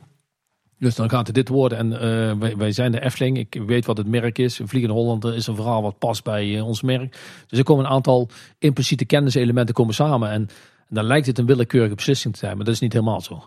Alleen wat je vervolgens zou kunnen doen, is dat verder, verder verkennen en eh, af, uh, afkaderen en die science er meer bij laten betrekken. Ja, dus aan de ene kant zeg je, je moet echt een goede wetenschappelijke basis hebben op basis van goed onderzoek. En aan de andere kant moet je dan wel vervolgens de vrijheid pakken om er echt artistiek mee aan de slag te gaan. Ja. En verwachtingen te overtreffen. Ja, inderdaad. Nou, mooi motto denk ik. Ik hoor het ook bij Apple al verkondigen op het podium. Ja, de, de, intersection of liberal arts oh. and science. Volgens mij roepen ze dat daar nog wel eens. Ja. Uh, Pieter, ik heb de indruk dat jij de mooiste baan uh, van de wereld had bij de Efteling in de jaren dat je er werkte. Maar toch ging je in, in 2007 weg. Wa waarom? Nou ja, mooiste baan. Ja, het, nou, ik, een van de mooiste bedrijven, dat is zo. een mooiste baan, ja, onderzoek was ook super gaaf. je kon je echt verdiepen in en, ja, je interesse, nieuwsgierigheid. Die kon ik echt ja, optimaal ingevuld krijgen. Um, maar ja, wat ik al zei, ik, wat, het zat ergens wel op uh, dat uh, wetenschappelijke versus de praktijk. Uh, ik ben wel een wetenschapper, maar toch ook wel een praktijkman. Ik vind mezelf meer een, een praktijkman met wetenschappelijke volhardendheid. Zo zou ik mezelf omschrijven. Ja, dat is mooi, mooi gezegd, ja. Maar ik dacht van ja, ik, ja met dat wetenschappelijke kant, die, ja, die wringt ook wel. Daar wil ik ook wel iets mee doen. En ehm, ik kreeg een mooie gelegenheid om aan de slag te gaan met, met de proefschrift. Een mooi onderwerp. Inmiddels was de tijd bij de Efteling begon ook wel een beetje. Was mooi geweest na vier jaar. Uh, ook de cultuur. Denk ja, ja, op een gegeven moment loop je tegen een paar dingetjes aan. En ik denk voor. Ah, misschien is dit wel een mooi moment om eens uh, mijn vleugels uit te slaan. Uh, voordat we doorgaan naar wat je daarna bent gaan doen, hebben we nog even een paar, uh, paar korte flitsvragen, zoals we die dan vaak in onze interviews stellen. Uh, want wat was voor jou het, het hoogtepunt van jouw vier jaar bij de Efteling? Het hoogtepunt van vier jaar Efteling. Nou, ik vond het wel uh, uh, super gaaf dat ik meteen vanaf het allereerste moment uh, eigenlijk een stempel kon drukken op het belang van onderzoek. Wat op dat moment toch nog redelijk ondergeschikt was. En we konden al vrij snel aantonen dat onderzoek wel heel belangrijk was. En waardoor je gewoon overal bij betrokken werd. En ook zag dat het dat het proces, dat onderzoek geen doel op zich was, maar een middel om tot uiteindelijk betere beleving te komen. Oh. En jouw dieptepunt? Nou ja, het dieptepunt. Ja, ik, ik, ik had toch wel enerzijds die, eh, die academische uh, nieuwsgierigheid en uh, diepgang en wat meer uitdaging. Anderzijds het culturele, waar op een gegeven moment tegen paar dingen aanliep. En die kwamen, mijn zins, net iets te snel samen. Ik was nog niet helemaal klaar met de Efteling. Ik had er nog wel wat dingen die ik wilde doen. Dus dat had best nog een paar jaartjes langer mogen worden. Ehm, dus ja, daar zie ik, uh, als, als ik over een dieptepunt wil praten, zie ik daar een, een momentje dat ik denk van ja, dat had iets, uh, iets anders gekund. En was nou echt een anekdote die we echt niet mogen vergeten om op te nemen in deze aflevering? Ja, ik, ik weet wel, uh, we, we, hadden gewoon altijd een hele leuke sfeer. bij, ik zat op het parksecretariaat, waar de directie zat, waar iedereen in en uit liep.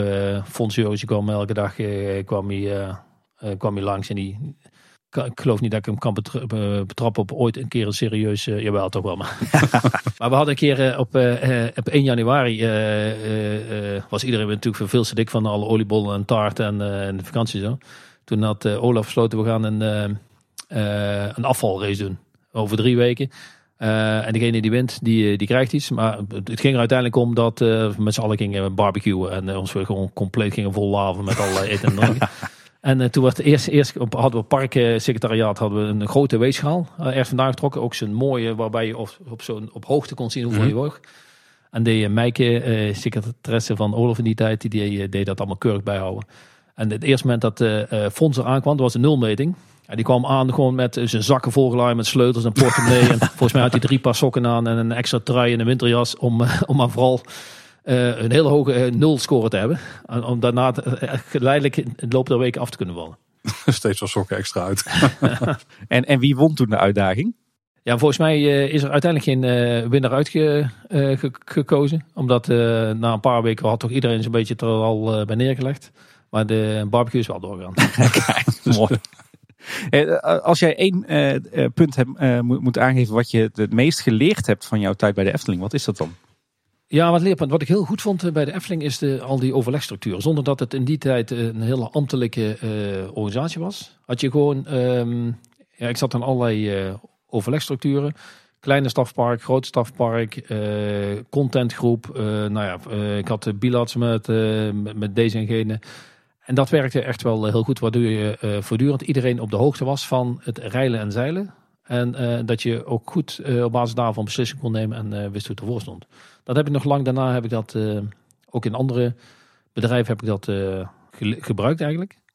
Inhoudelijk heb ik natuurlijk heel veel geleerd, omdat ik gewoon alles, ik, ik mocht meten, ik mocht onderzoek doen. Dus ik, ik heb heel veel kennis opgedaan, wat heel fijn is als je uiteindelijk in de branche ja, verder gaat. Dus niet specifiek des Eftelings, maar gewoon in algemene zin, hoe werken nou dingen. En dan een puntje wat we altijd heel interessant vinden. Er werken een hele hoop mensen bij de Efteling. En een aantal namen die, die komen heel vaak langs, dus die kennen we allemaal.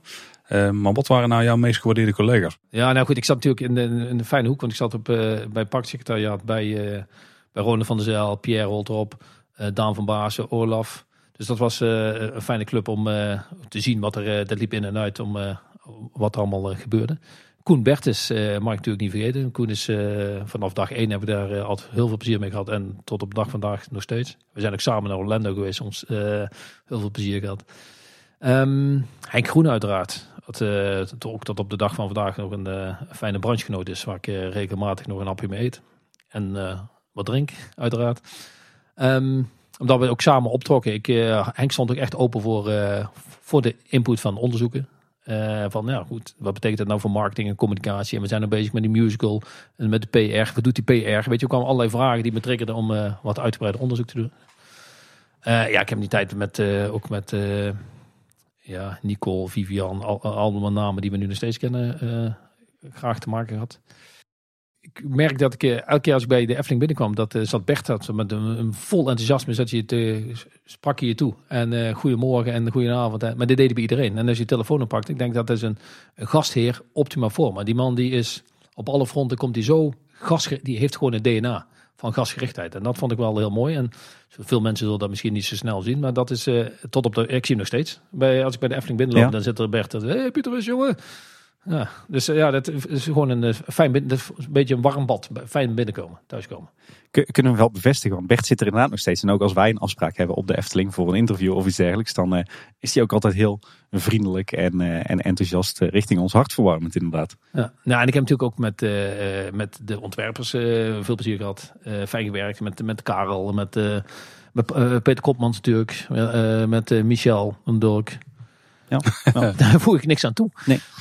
Je ging weg bij de Efteling in 2007. Je was natuurlijk zijdelings ook nog actief voor, eh, voor de universiteit, de Tilburg University, voor de IAPA. Eh, maar wat ging je daarna doen, na je vertrek bij de Efteling? Na mijn vertrek bij de Efteling ben ik uh, bij de NATW aan de slag gaan. Dat heet tegenwoordig de BUAS, Breda University of Applied Science, maar dat was de NATW omdat ik wilde promoveren. En bij de NA2 kon, werd me die gelegenheid geboden. In samenwerking met de Universiteit van Tilburg en de Universiteit van Rovira i Virgili in Barcelona, Tarragona. En toen ben ik daar ehm, een opleiding voor themaparken begonnen. Ik, ehm, ik ging weg bij de Efteling.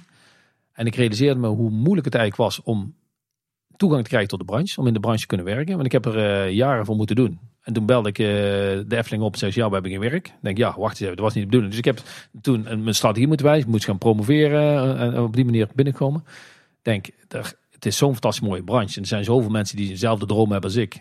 Die zouden het terecht moeten faciliteren om dat waar te maken. Eens gaan kijken, was er eigenlijk wereldwijd waren er niet echt opleidingen op het gebied van themaparken. Ja, de Rosen College heet het geloof ik, van de UCF, University of Central Florida. Die heeft zoiets, maar dat is een, dan in, uh, in Orlando. Maar hier in Europa zit er eigenlijk niks. Dus ik kreeg daar de handjes voor elkaar om uh, iets te ontwikkelen op het gebied van themaparken. Een uh, was een variant van twee jaar. Dus je ging in de, uh, gewoon twee jaar opleiding. Kon je in de derde en de vierde kon je specialiseren in themapark. theme park management heet dat toen. En ondertussen ben ik toen met mijn proefschrift aan de slag gegaan. en dat heb ik vier jaar lang gedaan. Nou, uiteindelijk is die opleiding Theme Park Management toen ik weg, toen ik Toverland ben begonnen, is die verder doorontwikkeld naar wat nu is. Het is echt wel van een ander niveau, maar de basis is toen de tijd ik legde. Niet, niet, figuurlijk een pretstudie, maar letterlijk een pretstudie eigenlijk. Ja, het was een super gaaf studie. Ja. Het, uh, het, we, hadden het, we begonnen met tien studenten in de, in de derde jaar. En, uh, en die gingen uh, een jaar door naar de vierde. En toen kwamen er ook weer tien in de, in de derde. En gaandeweg werden dat, dat meer. En nu zit er veertig of zo per jaar geloof ik. Maar we hadden begonnen met een groepje van tien studenten. En daar deden we dus alles mee. Want ja, met tien studenten kun je nog eens makkelijk de Efteling binnen of bij Europa Park. Dus we hadden een tripje naar Europa Park. En dan kregen we, we hebben een rondleiding gehad van van Michel. Die zat toen bij Europa Park. Die belde. Ik zeg, ik heb hier een paar van die gabbers die willen iets met uh, themaparken. Uh, kun je iets leuks vertellen? Nou, zo ging dat. Ja, joh, kom langs. En uh, nou, daar kreeg ze een rondleiding van Michel. En die vertelde alle details over hoe dat imagineren aan zijn werk gaat. Ja, dat, dat zijn nu op dit moment is, is dat best lastig als je met een club van 40 man dat moet realiseren. Dan is dat werkt het wat anders. Maar dat was uh, ja, laagdrempelig, uh, pionieren. ja, en gewoon die branche verkennen en naar de beurs gaan. We zijn toen met tien studenten zijn we naar Las Vegas geweest. Dat was de IAPA, die is nou elk jaar is die in Orlando. Um, omdat Orlando is gewoon de place to be. Dus elk jaar is er wel iets nieuws. Hè? Universal bouwt Harry Potter of, de, of Disney die bouwt Star Wars, wat dan ook. Maar elk jaar is wel iets nieuws. Dus de Japan die hadden zijn rondreis in circus in Amerika. Dat eh, elk jaar als het in, eh, in, Orlando was, dan was het mega druk. En de jaren ertussen was het uh, wat minder druk. Maar toen in die tijd, 2000 uh, was het geweest, 9 of zo, was je in Las Vegas. Dus toen dacht ik van, het zou toch gaaf zijn als die studenten gewoon ook naar Las Vegas gaan. Als ze daar de brand zien, als ze daar de VCOMA's en de Intermins en de, de B&M's en al die grote partijen van deze wereld. Als ze die kunnen meemaken, als ze daar op de beurs kunnen lopen. En, dus toen hebben we een reis georganiseerd. Uh, low budget reis. Met z'n vier op een kamer in het Circus Circus Hotel in, uh, op de strip. ben ik nog wel eens geweest, ja. Dat is dat low budget.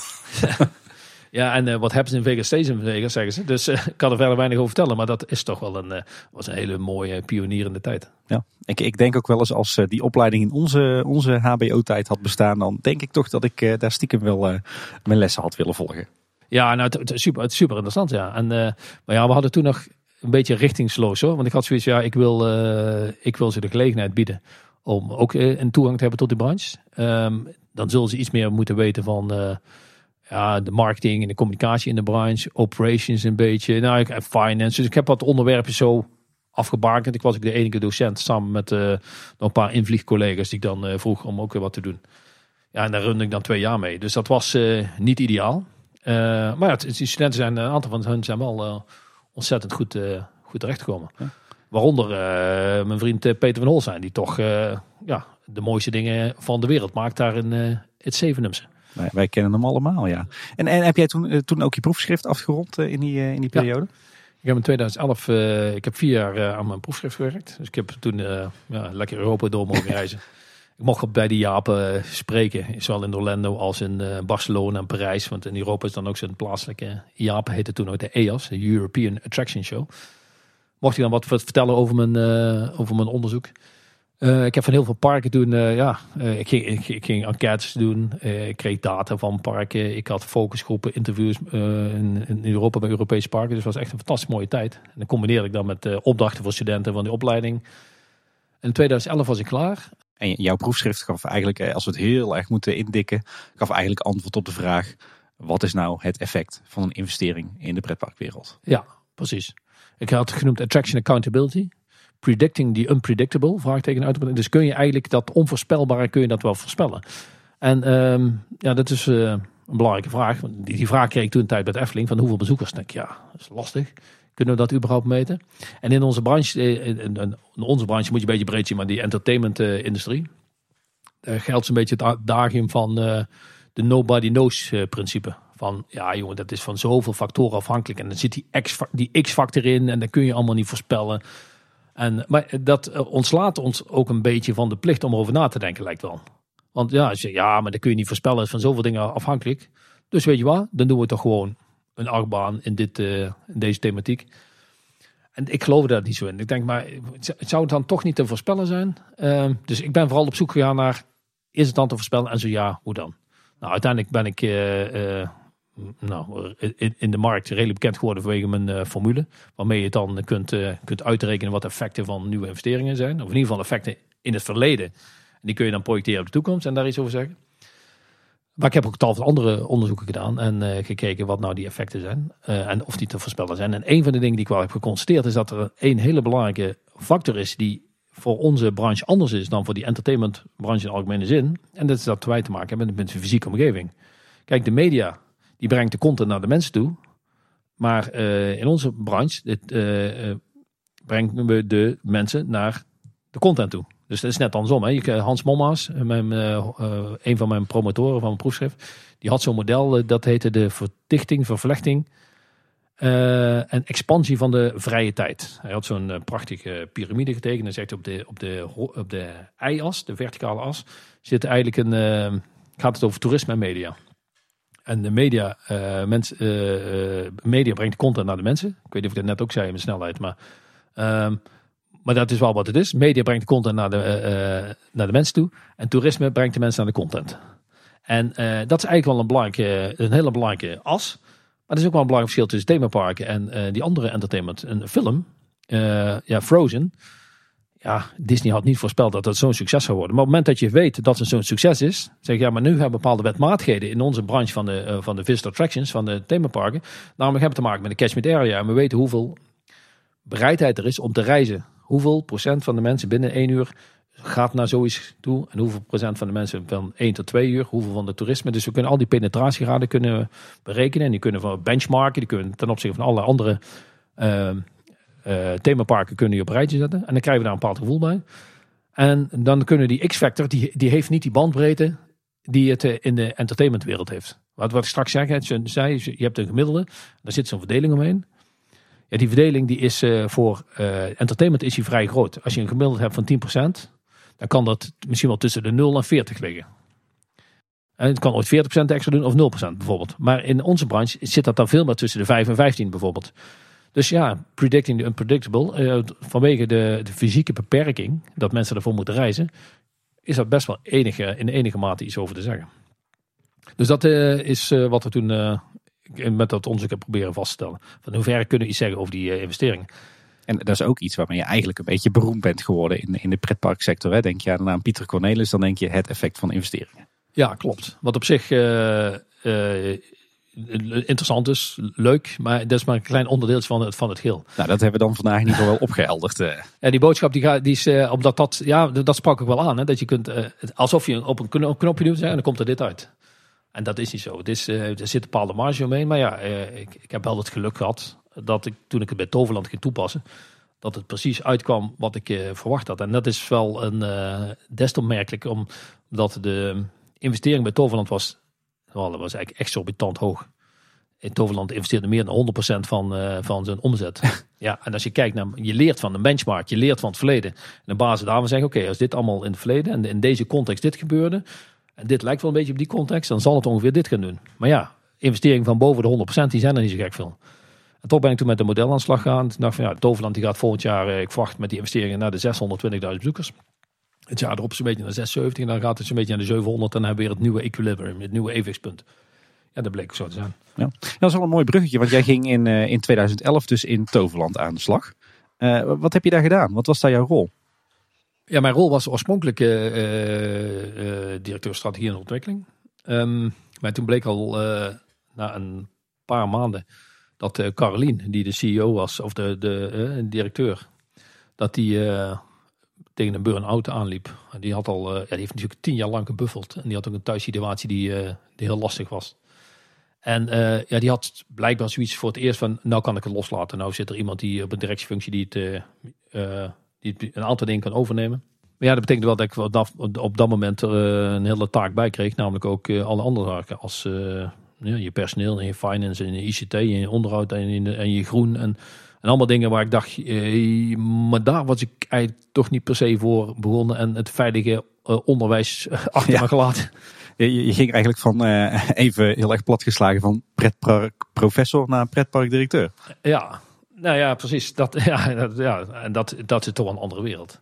En dat heb ik met uh, vallen en opstaan moeten leren. En een van de dingen die ik daar ook wel geleerd heb, uh, is, of wat ik toen heb, uh, heb geleerd van Efteling, is van ja, je hebt gewoon belangrijke overlegstructuur. Je moet zorgen dat iedereen weet hoe het ervoor staat, wat er gaande is. En dat heb ik daar proberen toe te voegen, toe te passen. Ja, dat is niet altijd even goed gelukt ik heb daar ook gewoon, uh, ik had eigenlijk twee banen tegelijkertijd en dat was uh, best uh, pittig. En mijn primaire focus lag natuurlijk op de ontwikkeling van de magische verlei. Want er was gewoon een, omzet, een investering mee gemoeid die meer dan 100% was van de omzet toen de tijd. We draaiden een omzet van ongeveer, ik denk was het geweest in 11 miljoen in die tijd en de investering was 14 miljoen. Ja, dus dan heb je een, een jaar dat ook nog lastig jaar. Want Toverland zat al jarenlang op rond die 500.000 bezoekers hè, na Troy dan wil je doorgroeien. wil je naar 26, je gaat flink investeren. Maar ja, in de pretparkbranche is het, eh, de winter is gewoon, loop je uit je cashflow. In de zomer is prima, dan komt de cashflow binnen. Mensen geven geld uit aan eten en drinken en kaartjes. En dan wordt het rustiger, maar je kosten lopen door, maar je, je omzet neemt af. Dus je, je, je krijgt bij parken altijd na het hoogseizoen krijg je dus een cashflow eh, dip. Maar ondertussen ga je wel volle bak investeren. En dan moeten heel veel dingen vooruitbetaald worden. Kijk, uh, die uh, hebben een achtbaan gekocht. Ja, die wil graag een achtbaan leveren, maar die wil natuurlijk ook op een gegeven moment betaald hebben. En niet van doe maar over drie jaar als, als het geld binnen is. Dus liever een beetje voorhand. Hè? En dat geldt natuurlijk voor iedereen. Op een gegeven moment staan er honderd man of meer op de bouw. Ja. Um, en als je dan gelijktijdig gewoon nog steeds een, een, lastig jaar hebt.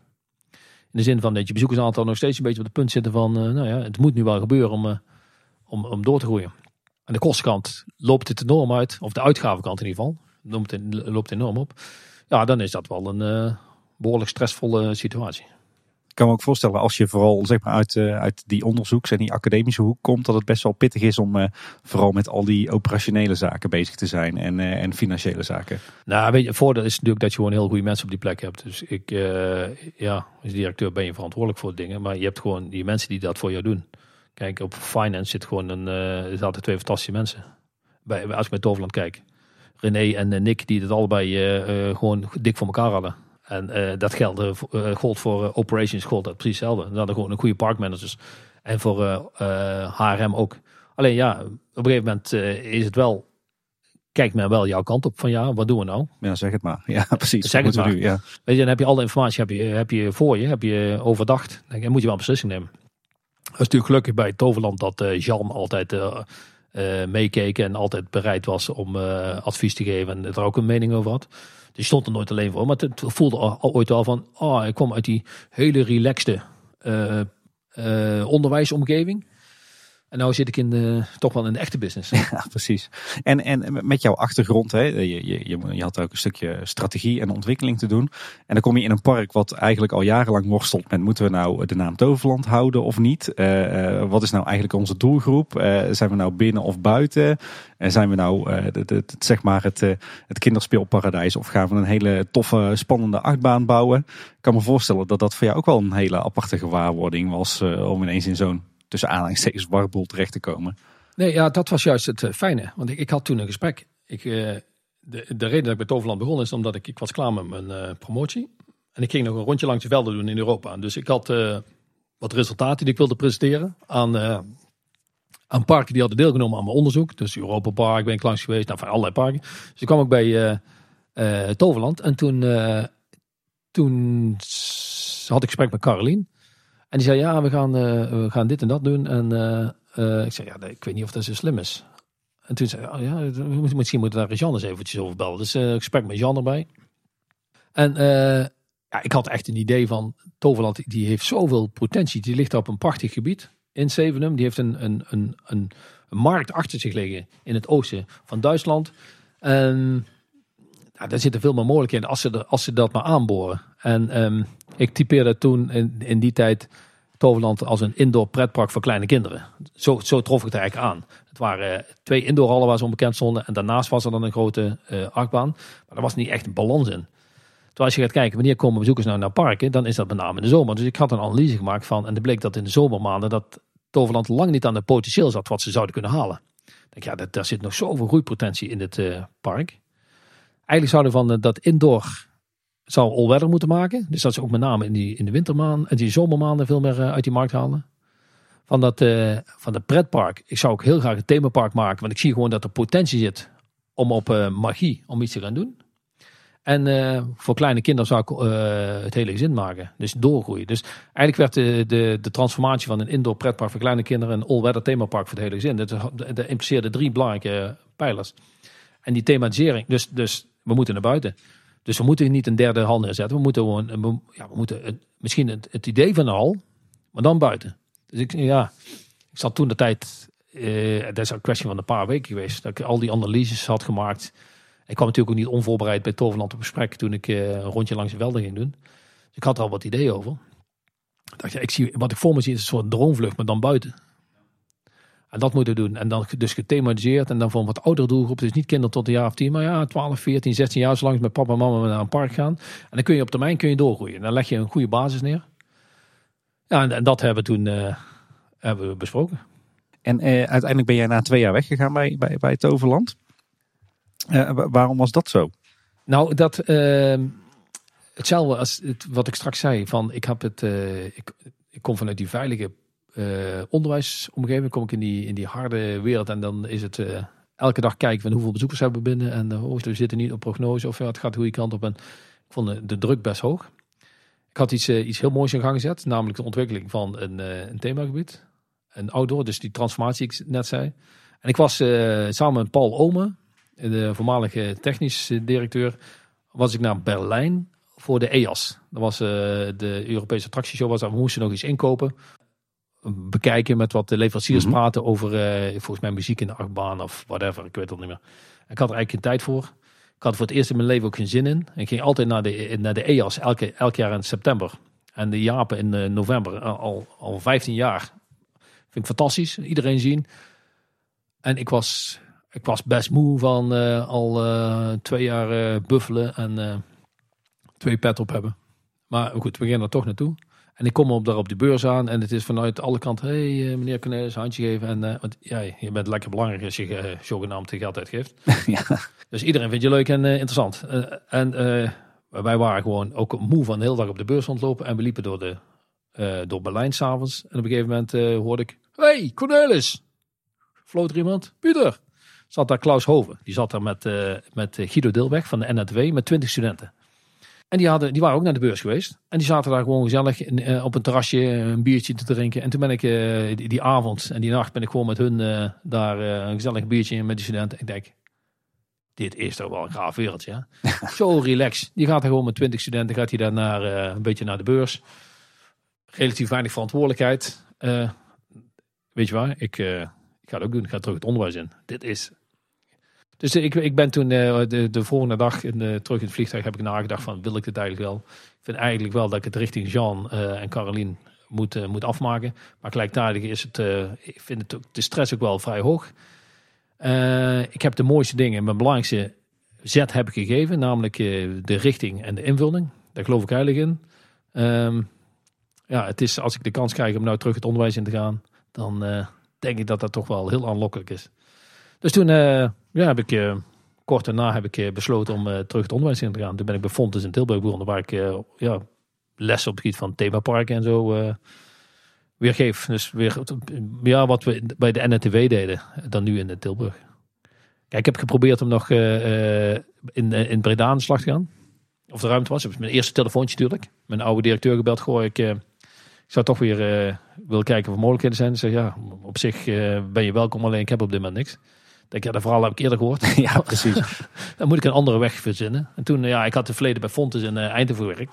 En ik wist dat ze in Tilburg ook een mooie opleiding hadden. Creative Industries. Die ging over entertainment. Ik denk, ja, misschien kan ik daar wel iets met de themaparken kunnen doen. En dat bleek zo. Dus toen kwam ik heel snel daar terecht.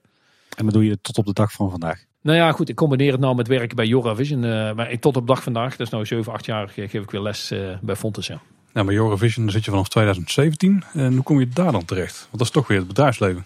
Ja, nou ja, het heeft altijd getrokken, die, die combinatie tussen onderwijs en praktijk. En ik, ik ging natuurlijk nog steeds naar de beurzen in uh, Orlando en uh, ja, in Europa. En op een gegeven moment kwam ik, uh, ik had een boek geschreven. Omdat ik de vraag kreeg van kun je weet, je proefschrift niet een beetje op een Jippe Janneke manier toegankelijk maken. Daar kwam ik Jan Maarten tegen. Jan Maarten ken ik al vrij lang. Al, al, ik denk ook al 15 jaar in de branche. Super rave gast. En dus altijd lachen. En altijd tegen kwam aan plezier. En ja, die sprak ik zo van, goh, ik, ben, ik zit nou weer in het onderwijs. Maar ik heb ook wel interesse om iets in de praktijk te doen. Ik ja, volgens mij kunnen we daar best wel eens over verder praten. Want ik zie daar ook wel mogelijkheden. Zei, wat we merken dat in onze branche krijgen we toch steeds vaker de vraag van, ja, wat levert dat nou op? Niet zomaar iets ontwerpen, maar er toch eens even strategisch over nadenken. Misschien zouden we daarin samen kunnen optrekken. Dus toen zijn we ze dat gaan verkennen.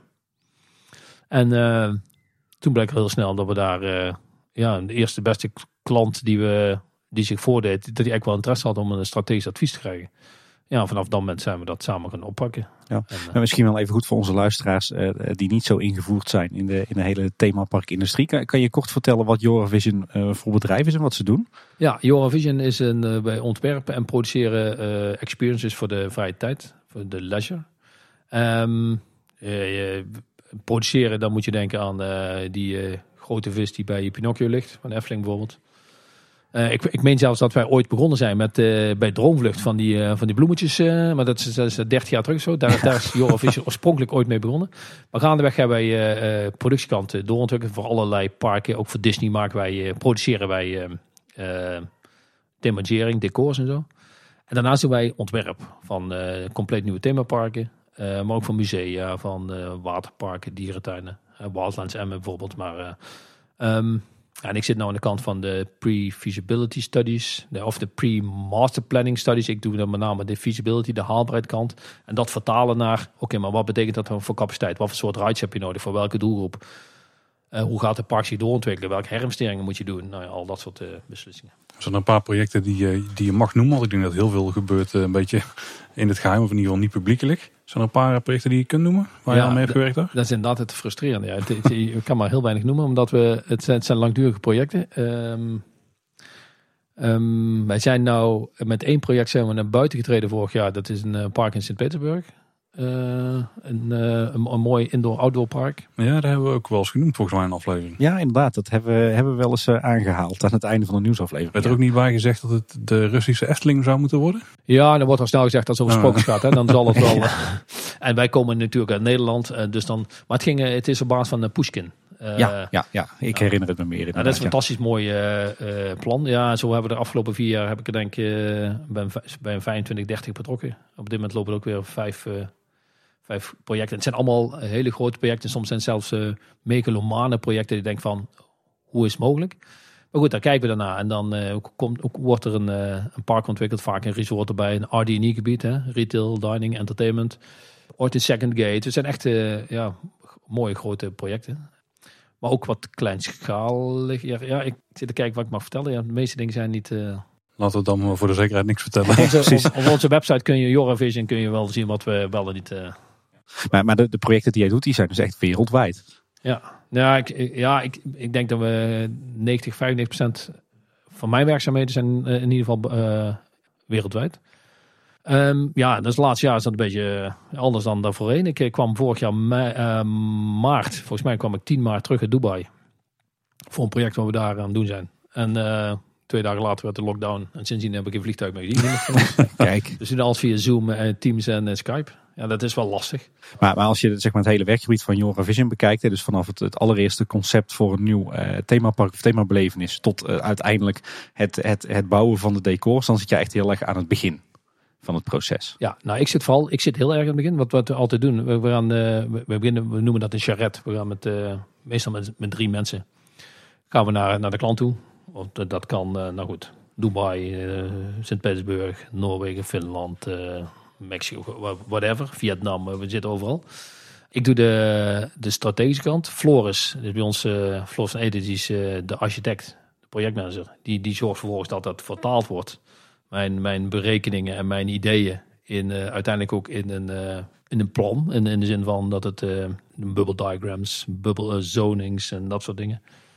Ja, je kunt wel leuk bedenken van we hebben een capaciteit van, van 35.000 per uur nodig. Nou, dan gaan we samen kijken van wat voor attracties moeten dat dan zijn. Voor welke doelgroep, et cetera. Dus we maken een hele mix van, van attracties met investeringen, et cetera. En hij gaat dan kijken Oké, dan betekent dat we dit hier dan het beste de ingangsgebied kunnen hebben. Dan hebben we hier een back of the house ring nodig. En dan moeten we daar zone 1, dan moeten we daar zone 2. Want dit, dit is ontsluiting.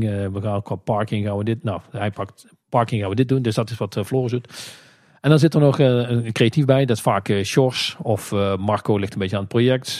die dan het creatieve traject doet. En dan de storytelling, de thematisering, dat soort zaken. En dan zie je eigenlijk dat er bij ons een soort van verschuiving is in, de, in die trajecten. Die duren dan vaak zijn eerste fase is een prima planning in een maand of drie. Dan de eerste sessie van twee dagen ben ik voor 70% bezig. En uh, Shores 20 en Floris 10. En dat verschuift zo dat uiteindelijk in de tweede sessie Shores een beetje 50%, ik nog 20 en, en, en de rest Floris. En de laatste fase is vooral Floris en dan Shores iets minder dan ik ben. En ik zit alleen een beetje de grote lijnen te maken. En, en dat is dan uh, wat we na één fase opleveren. Dan gaat het naar een tweede fase. Dan gaan we naar uh, concept design. En dan gaan we naar schematic design. En dan nog uiteindelijk detail design. Maar jij zit dus echt op de, de master planning, zeg maar. Ja, ja. Nou ja, goed, master planning is een groot gedeelte van wat ik doe. Maar ik werk ook voor bestaande klanten waar we uh, herinvesteringen doen. Dus nadenken en meedenken over, oké, wat zou dan een goede herinvestering zijn voor dit park? Wat moet je dan denken en wat mag het kosten? En wat is wat voor capaciteit? En, had je dat ooit gedacht toen je als, nou wat was het, twintiger, dertiger in Epcot rondliep en, en enthousiast werd van de parken. Dat je ooit zelf bezig zou zijn over de hele wereld met het, het bedenken en plannen van nieuwe themaparken? Nee, ik denk, denk niet dat ik er ooit bedacht heb. Nee, want ik, had, ik, had die ik wilde vooral in parken rondlopen. Ik merkte toen ik in Epcot was, gewoon iedereen heeft daar vakantie. Het is, is fantastisch dat je daar ja, iedereen is vrolijk, enthousiast. En daar binnen rondlopen, dat vind ik wel heel gaaf. En ik moet zeggen, dat is ook wel een beetje wat ik af en toe wat mis. Als je voor nieuwe plannen rondloopt. Ja, als je in, in Peru bent en je loopt gewoon op een stuk grond rond. Van uh, 10 hectare. En denk ja, je moet het themapark komen. Dan denk je, ja, dat is gaaf, leuk. maar ik zie verder nog niemand, niemand. Dat is nog geen mensen. Er moeten daar heel veel mensen komen. Terwijl als je in de Efteling rondloopt, of in Toverland, en er zijn gewoon uh, duizend mensen om je heen die allemaal vrolijk zijn, enthousiast. En het personeel loopt, het loopt allemaal lekker. Ja, dat is hetgeen wat je ook wel, daar doe je het uiteindelijk voor. Dus um, het, daarom vind ik het ook wel fijn om die combinatie te hebben. Ik, ik werk nog steeds voor Toverland. Om, om daar gewoon bezig te zijn, aanwezig te zijn. En samen met Peter en Jean, de Jeans, naar plannen te kijken en erover mee te denken. Denk ja, weet je, hier loopt de klant rond. En dadelijk loopt hij daar rond. En dan gaat hij daar langer verblijven. En, die processen, daar, daarmee bezig zijn. En te zien waarvoor je het echt doet, dat vind ik ook wel, ook wel gaaf. Dus het is ook, daar is de combinatie tussen. Ik heb enerzijds combinatie tussen onderwijs en praktijk, maar anderzijds binnen de praktijk ook wel tussen het grote toekomstige denken en het gewoon het praktische van het hier en nu. Ja. En ik denk nou wel kunnen stellen dat je van je hobby je werk hebt gemaakt. Ja, dat heb ik zeker. Ja. En je werk is ergens ook weer je hobby geworden. Ja, Ja, nou ja, het, het, blijft, het blijft wel gaaf. Het, het, eh, ja, ik kan iedereen aanraden. Daarom ben ik ook zo blij dat eh, de buurs ook eh, serieus heeft doorgepakt op die opleiding. En dat dat nou het een theme- Attraction Theme Park Management, dat het nou een driejarige opleiding is, omdat het echt de studenten de gelegenheid biedt een entree ticket tot die branche. En dit is echt de mooiste branche met werk. Het is zo gaaf om mensen elke dag bezig te zien, blij te zijn met de producten en belevingen die jij, eh, die, die jij bedacht, en, eh, bedacht hebt. En ja, dat is mooi. Ja, heel mooi. Eh afrondend nog twee flitsvraagjes. Ehm, je favoriete park ter wereld? Wow, ja, dat zijn er een paar, hè? En nou, dan zet ik op één zet ik toch wel ehm, Animal Kingdom. Mhm. Want wat ze daar, ik heb het altijd een fantastisch park gevonden, maar wat ze daar met Avatar hebben toegevoegd, dat is eh, sensationeel. Dat is van zo'n ongekend niveau. Ja, dat vind ik, eh, vind ik waanzinnig. Vind ik echt een park waar ik heel eh, ontzettend graag kom. Daar moet ik gewoon elk jaar geweest zijn en niet één keer, maar gewoon meerdere keren. Ja, Ja. niet, niet dat ik twee keer per jaar naartoe vlieg, maar als ik er dan ben, dan, ga ik de volgende ochtend nog een keer en s'avonds nog een keer. En dat, dat is zo'n fijne sfeer. Hoe Joe Rody dat heeft ontwikkeld, dat is, dat is ongekend. Ja, en het klinkt een beetje alsof ik een wit voetje wil halen eh, hier in de buurt. Maar ik vind Toverland echt een waanzinnig mooi park. Wat, hoe zich dat aan het ontwikkelen is. En wat nou met eh, Port Laguna en Avalon, hoe dat park zich aan het doorontwikkelen is. En dat is vooral omdat ik ook zie dat het van een dat indoor pretpark voor kleine kinderen echt naar de Allweather Theme Park voor de hele zin zich aan het ontwikkelen is. Ja, vind ik ook wel mooi. Maar goed, ja, Efteling blijft natuurlijk ook een, pareltje hier in het zuiden. Dus ja, het zou, ik zou liegen als ik zou zeggen de Efteling niet mijn top 3 zou staan. Kijk. En een favoriete attractie ter wereld? Ja, ik vind Flight of Passage in, eh, in Avatar, Animal Kingdom, eh, vind ik waanzinnig mooi. Eh, ik vind Expedition Everest, ook in Animal Kingdom, vind ik ook onwaarschijnlijk mooi. Ik weet nog, wat mooi, wij zaten toen dat tijd, waren we met de Efteling waren bij, in Orlando. En toen was, waren ze net, waren ze daar Expedition Everest aan het bouwen. Maar wij hadden geen idee. Dat dat het was een prachtig park, toen al. Maar toen waren ze een hoop stalen aan het bouwen. En we zaten daar met, met met een man of tien. Lex Lemmens zat er ook bij. En, eh, en Olaf en, eh, en, en Koen. En eh, ik meen dat Jeroen was er ook bij was. ik. Ja. En we zaten zo te discussiëren. Ja, maar hoe, hoe bestaat het nou? Dat ze daar in zo'n prachtig park, zo'n natuurpark. Dat ze dat nou helemaal gaan vernachelen door dan achtbaan neer te zetten. Dat zouden wij toch nooit gedaan hebben? En toen, toen dacht ik, ja, maar het zou ook kunnen zijn dat wij een beetje op 99% van de kennis zitten. Want wij zijn natuurlijk heel slim als Brabanders. Maar dat Disney nou net die 1% slimmer is dan wij zijn. Dat, dat ze daar iets gaan doen. Dat ze toch snappen hoe het werkt. Ja, en toen kwam een paar jaar later, stond de Expedition Everest. denk ja, dit is zo fantastisch mooi. Dat is een voorkomen ride, maar zo waanzinnig mooi gethematiseerd. Ja, daar zit je in de sfeer en, en van, met, die, met die Yeti. En ik heb hem ooit mogen doen als een, eh, had ik de mazzel dat Tom Wolbers ons rondleidde. Die is eh, CEO, CEO van, eh, inmiddels van Disney Cruise Line geloof ik. Heeft ook in Parijs eh, is CEO geweest. Die had, ons, die had een keer, had, had Reinoud geregeld. Reinoud van Astel te toen ik nog bij de NRTV werkte. Mochten Monique Hover en ik mochten samen daar eh, eh, backstage, werden we rondgeleid door Tom Wolbers. En hij liet ons alles zien. Alle de housing en eh, alles achter de schermen. Dat was een fant- fantastische dag. En toen mochten wij gewoon, zonder dat we hoefden te wachten, konden we in, eh, in eh, Expedition Everest. En stond gewoon een wachtrij voor twee uur. En wij mochten ervoor in. En nou, het was gaaf. De volgende dag gingen wij met onze collega's, want we waren daar met een groep van eh, acht, we waren met twintig man. Dat was een reis die Reiner toen had geregeld. Gingen met z'n allen erin. En toen moesten we dus in de wachtrij staan. En toen werd die attractie werd nog beter. Over het algemeen zie je dat de waardering afneemt. Als je meer dan een kwartier moet wachten, zie je dat die waardering langzaam afneemt. We hebben daar anderhalf uur moeten staan wachten. Maar echt die waardering voor die ride, die werd alleen maar beter. Want je werd zo in het verhaal meegetrokken. Dat ik dacht, ja, dit is, het is nog gaaf gisteren. Ik voelde me gisteren geprivileerd. Ja. dat, dat ik daar mocht zitten. Dat ik daar zonder te wachten mocht instappen. Maar nu, dat ik dat verhaal meekrijg. Ja, dit is, dit is het mooiste wat eh, volgens mij Animal Kingdom is overkomen. Nou, dat was ook voor een aantal jaren. Totdat ze dan een paar jaar geleden eh, Flight of Passage openen. Eh, inderdaad. Ja. Pieter, we zitten nu al eh, flink lang te kletsen. En er zit nog enorm veel kruid in het vat wat ons betreft. Want we hebben nog een hele lijst met vragen die we graag een keer jouw kant op zouden schieten. Niet alleen over de Efteling trouwens, hoor, maar over de hele pretparkwereld en eigenlijk over de hele leisurewereld. Ja, ja, leuk. Als het over de branche gaat, dan eh, kun je me altijd bellen hoor. Kijk, is misschien leuk Paul, want we hebben inderdaad zelf nog een hoop vragen. We hebben ook een hoop vragen gekregen van onze redactie. Maar eh, zou het misschien een leuk idee zijn om eh, luisteraars de kans te geven om vragen in te sturen? Zeker, ja, nou, heel goed. Dus luister, als jullie vragen hebben, dan kun je die onze kant op sturen. Eh, bijvoorbeeld via Twitter, daar zijn we @k Boodschap. Ja, op Facebook en Instagram zijn we Kleine Boodschap. We hebben natuurlijk een website, kleineboodschap.com, met een contactformuliertje. Of je mailt gewoon naar info.kleineboodschap.com. En als je een van die contactmethodes gebruikt, dan komt de vraag bij ons terecht. Dan eh, structureren waar die mooi. En dan gaan we de volgende keer met jou daar uitgebreid voor zitten, Pieter. Nou, hartstikke leuk. Ben benieuwd wat er voorbij komt. Ja. Moeten overigens wel echt vragen voor Pieter zijn. Hè? Geen algemene vragen voor ons van uh, wat is jouw favoriete attractie of uh, welk broodje hotdog uh, eet je het liefste Paul. Dus echt, naar aanleiding van dit interview. Jullie kennen Pieter nou allemaal denk ik best wel een beetje na, de, na, na, na dit interview. Echt vragen voor, voor Pieter. En Pieter, als mensen jou nou willen volgen online, waar kunnen ze dan het beste terecht? Ja, ik ben online niet zo heel actief. Ik heb uh, uh, LinkedIn natuurlijk uh, en ik heb een website, meen ik. Cornelis Leisure Consultancy of zoiets, met streepjes ertussen, heel vaak. maar ik moest natuurlijk eerst mijn algemene voorwaarden zo deponeren. Dus. We gaan het proberen op te zoeken en in de show notes te zetten, ja. Hey, hey en je, waar, waar, ik heel erg benieuwd naar ben, Pieter, jouw boek, waar kunnen we dat kopen? Ja. Oh, en hoe heet het? Oh ja, dat heet, de, de ene kun je gratis downloaden, heet de Traction Accountability. Predicting the Unpredictable. Uh, kun je, als je daarop googelt, dan mag je het gratis downloaden van de UVT. Tilburg University. Mijn tweede is uh, Investment Thrills, met een hele lange ondertitel. En dat wordt uitgegeven door de NRIT Media.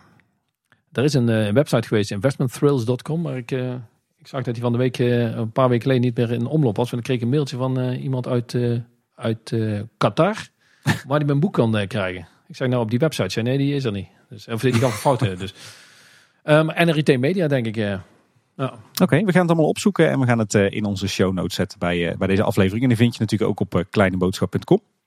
Ja, dan kun je bij deze alleen maar heel erg hartelijk bedanken voor jouw tijd en voor jouw kennis.